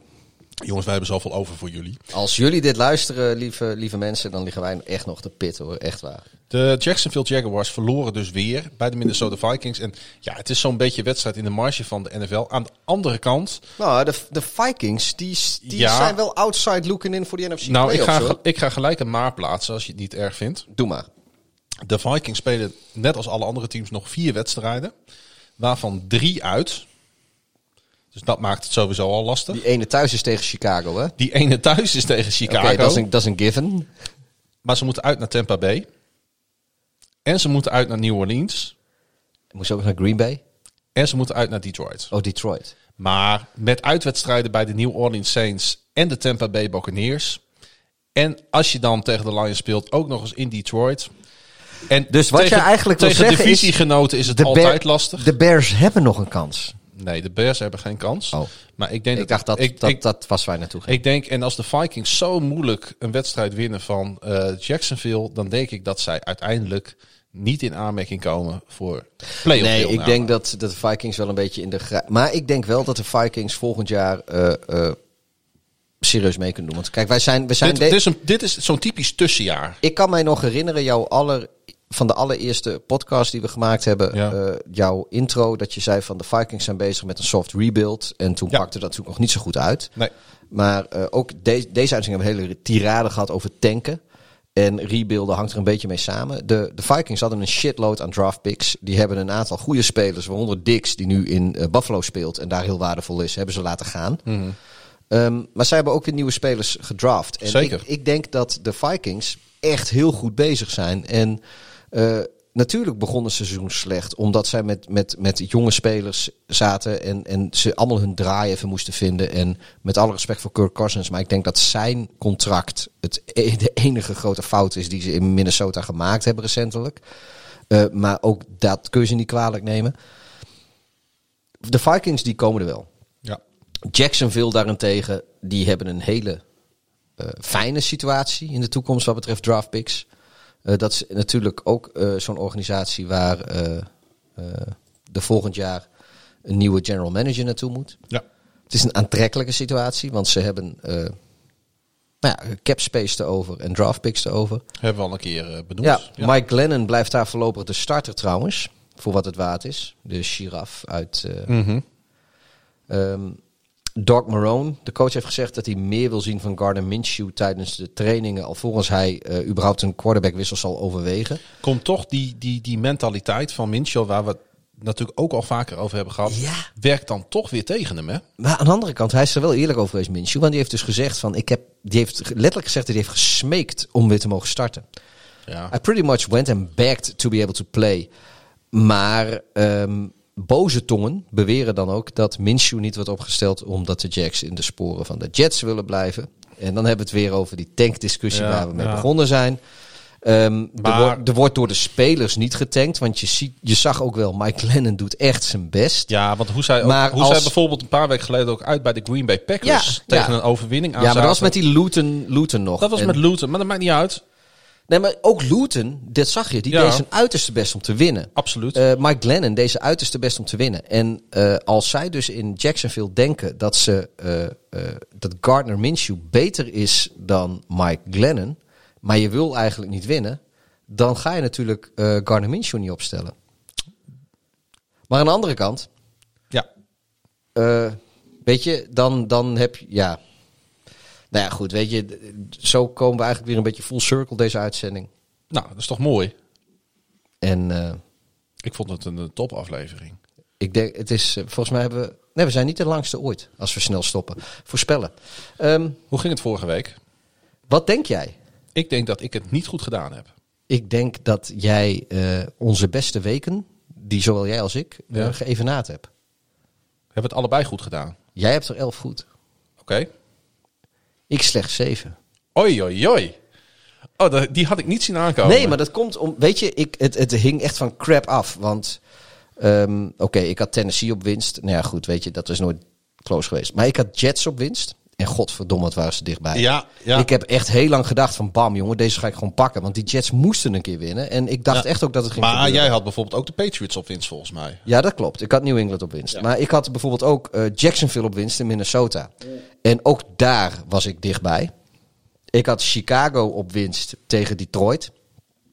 Dat Jij- had ook zomaar gekund. Ja. Jij ook, geloof ik. Maar goed, ik zat dus in die witching hour van... eh, ik had Ja. Arizona tegen de Rams. En ik had... Had ik Houston ook nog? Ik had in ieder geval die, die witching hour, die ging mij helemaal... Ik leek jou zo dik te verslaan. ja, precies. Maar goed, eh 11-7, jij wint. Dus dat maakt dat het totale ding is... eh, ik heb er 91 tot nu toe goed voorspeld dit seizoen. Ja. Weet je hoeveel jij er goed hebt? 90? Ja. Er is er nog maar eentje. God, hoe is het mogelijk, hè? Mooi, mooi, hè? Ja. Dus eh, we gaan... eh, ja, ik- jij kan vragen, ik kan ook vragen. Ik heb alles hier voor me. Oké, nou ja, ik, ik, ik, neem de rol gewoon weer op me. Ik vind dat een fijne rol. Ja. Eh, de Patriots gaan op Thursday Night Football, dat is al heel snel, ja. gaan zij op bezoek bij de Rams, de LA Rams, in Dat zijn een niet- rematch natuurlijk van de Super Bowl. ja, maar dat zijn niet de Chargers. Ik denk dat de Rams dit gaan winnen. Ja, ik ook. Dan ga ik hem callen voor de volgende wedstrijd die op programma staat. En dat zijn volgens mij de Denver Broncos die op bezoek gaan bij de Carolina Panthers. hey, eh, ik had jou een lijstje gestuurd met de volgorde, vriend. En dat zijn volgens mij de Minnesota Vikings die op bezoek gaan bij de Tampa Bay Buccaneers. Ja. Excuses. Ehm, en die ga ik callen voor... Oh, ik vind hem nog wel lastig ook hoor. Ik ben niet zo'n heel groot fan van wat Tampa laat zien de laatste tijd. Oké, ik ga hem toch callen voor Tampa Bay. Ja, ik, ik, ik, ik call hem voor Brady ook. Ja. Maar jij dus ook. Eh, jij mag als eerste kiezen bij Arizona op bezoek bij de New York Giants. Ik, eh, ik geloof in een eh, terugkeer van Arizona. Ik geloof in de New York Giants. Dit is wel mooi. Dan gaan we naar de volgende wedstrijd. En dat is ook een mooie. Ik ben echt heel benieuwd naar. Dan meen ik serieus. De Kansas City Chiefs op bezoek bij de Miami Dolphins. Zullen de Dolphins het doen? Ik Met ga, een Miami, nieuwe Miami Miracle? ik ga hem aan de Dolphins geven. Ja, vind ik. Ik, eh, ik, ik hoop het ook, meen ik echt. Maar voor, voor de spanning in onze mm voorspelcompetitie ga ik voor Kansas City. Oké. Dan mag jij als eerste kiezen bij de wedstrijd tussen de Tennessee Titans die op bezoek gaan bij de Jacksonville Jaguars. Ik denk dat jij voor mij kan voorspellen hier. Jij weet wie ik ga callen. Tighten up, hè? Up. tighten up, baby. Ik ook. De Green Bay Packers op bezoek bij de Detroit Lions. En ja, die moet toch echt aan Aaron Rodgers geven. Nee, ik geef hem aan eh, Detroit. Detroit die wint eigenlijk ieder seizoen wel een keer van Green Bay. Dat klopt. Het is eigenlijk alleen Chicago die ze tot nu toe nooit versloegen. Dus ik hoop niet dat ze nu hun kruid verschoten hebben. Oké. ik de- geef hem aan Detroit. De Dallas Cowboys gaan op bezoek bij de Cincinnati Bengals. Ik denk gaan we allebei voor Dallas, denk ik. Ik geef hem aan de Bengals. Oké. Zin. En ik dus aan Dalton. Dallas. Dalton of Dallas? Ik weet niet meer waar Dal voor staat nu. De Houston Texans, zij gaan naar Chicago. Ja, weet je, eh, mijn gevoel zegt dat dit een drama wordt. Eh, ik zie nu al de beelden voor me van Deshaun Watson die een touchdown pass gooit en dan naar die camera in de endzone loopt en daar op zijn vingers tot 12 gaat tellen. En dat ik dan alle scherpe objecten in mijn huis gewoon echt uit het zicht moet leggen. Eh, dus ik hoop dat het niet zover komt, dus ik ga gewoon voor Chicago. Dit, dit gaat niet gebeuren. Eh, heb ik al gepikt? Nee. Ik ga voor Chicago. Doen we nog een, eh, een bonusbed dat als, als de Sean Watson op voorsprong komt. En denk jij dat hij die 12 doet? Dat is namelijk de pick die. Want Ja, ja. dat heeft Mahomes vorig jaar gedaan op Soldier Field. Nee. Jij denkt van wel, hè? Ik, Ik denk echt dat hij dat doet. denk van niet. We gaan het in de gaten houden. Gaan we daar een flesje bier op zetten? Ja. Ja. Oké. Je krijgt van mij wat lekkers dan. Ik zet er een sterretje bij. Als hij, het, eh, als hij het wel doet, dan krijg ik voor jou wat lekkers. Als hij het niet doet, dan eh, bied ik jou wat aan. De Denver Broncos tegen de Carolina Panthers. En dat is een wedstrijd in de marge van de NFL, maar geen makkelijke om te callen. Want ze staan allebei op 4-8. Denver is trouwens wel eh, eh, 5-1 all-time tegen Carolina. Dus de, de cijfers zijn niet in het voordeel van de Panthers. Eh, maar ik denk dat de Panthers na hun bye week, want die hebben natuurlijk een weekje rust gehad, in eigen huis moeten kunnen winnen van de Denver Broncos. Ik denk, eh, oké, dus jij zegt Carolina. Ik ga daar voor Denver, want ik denk dat die hun eh, go- goede, goede spel een beetje voortzetten. En ja, Volgens mij gaan we dan een stap maken naar de late wedstrijden. De New York Jets gaan naar Seattle. En eh, dat gaan de Jets niet winnen. nee, er wint maar één team uit New York in de Pacific Northwest dit seizoen. En dat is al gebeurd. Je hebt trouwens wel gelijk. NFL.com heeft alles door elkaar staan. Klopt er helemaal niks van. Terwijl, nee, maar terwijl deze volgorde, die heb ik ook van NFL.com een aantal weken geleden. Ja, maakt niet uit. Maar goed. Leuk hè, luisteraars? Ja. Dit, eh, De Colts spelen in Las Vegas. En Ehm, dat is een wedstrijd natuurlijk met gigantische playoff eh implicaties. Voor beide teams, maar ook voor andere teams. 8-4 Colts tegen de 7-5 Raiders. Oei, oei, oei. Ik vind het een hele lastige, Pieter. Ik, heb, ik heb nog ehm, niks gezegd, maar ik heb hem voor mij al ingevuld. Ik geef hem aan Las Vegas. Dat is mooi, want ik heb voor mij al Indianapolis ingevuld. Oké. Washington moet naar San Francisco. Dat is ook een mooie dit. Ja. Allebei 5-7 teams ondertussen. Weet je dat de Washington op hetzelfde niveau staat als de 49ers ondertussen? Ja, en ook al heeft San Francisco net verloren, ze zijn allebei trending up. Ik ga voor Washington.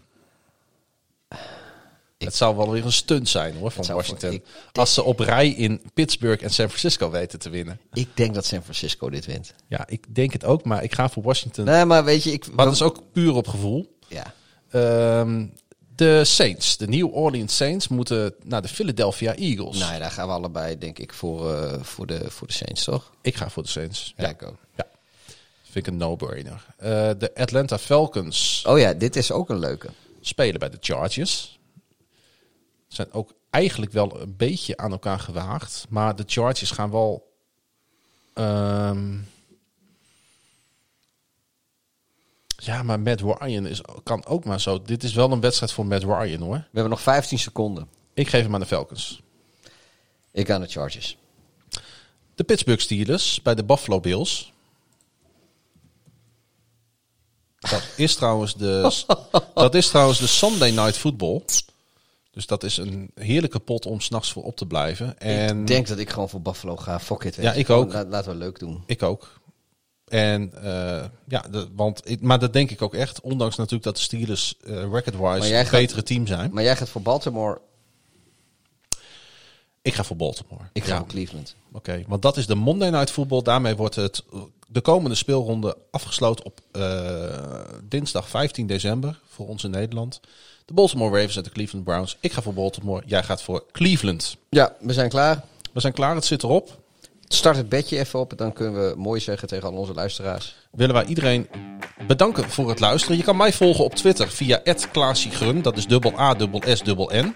Eh Darth Hideous. eh, met een, dat is Darth met een laagstreepje en Hideous en zo. Je kan NFL op woensdag volgen via Twitter, Facebook en jawel Instagram. NFL op woensdag. En je kunt KVM Media, dat is de producent van de- deze podcast, volgen via KVM Media. En neem ook vooral eens een kijkje op www.kvmmedia. Ja, en luister naar Koen van Minder, de podcast voor FC Groningen. Zwart-Witte podcast voor Heracles Almelo. eh, de Roeser Radio voor Dona Groningen. eh Grote Markt 1 voor de Groningen Stadspolitiek. En Leesvoer, de podcast, hè? Leesvoer, de podcast. Als je van boeken en literatuur houdt, eh Nederlandstalig. Allemaal hartstikke mooi. Bekijk het, luister het. Hou ervan. Ga ervoor. Ik ben blij dat jullie nog luisteren. Ik ben niet zo blij dat ik hier nog zit. Ik wil iedereen hierbij bedanken voor het luisteren naar Ik ook. NFL op woensdag. Beste mooie.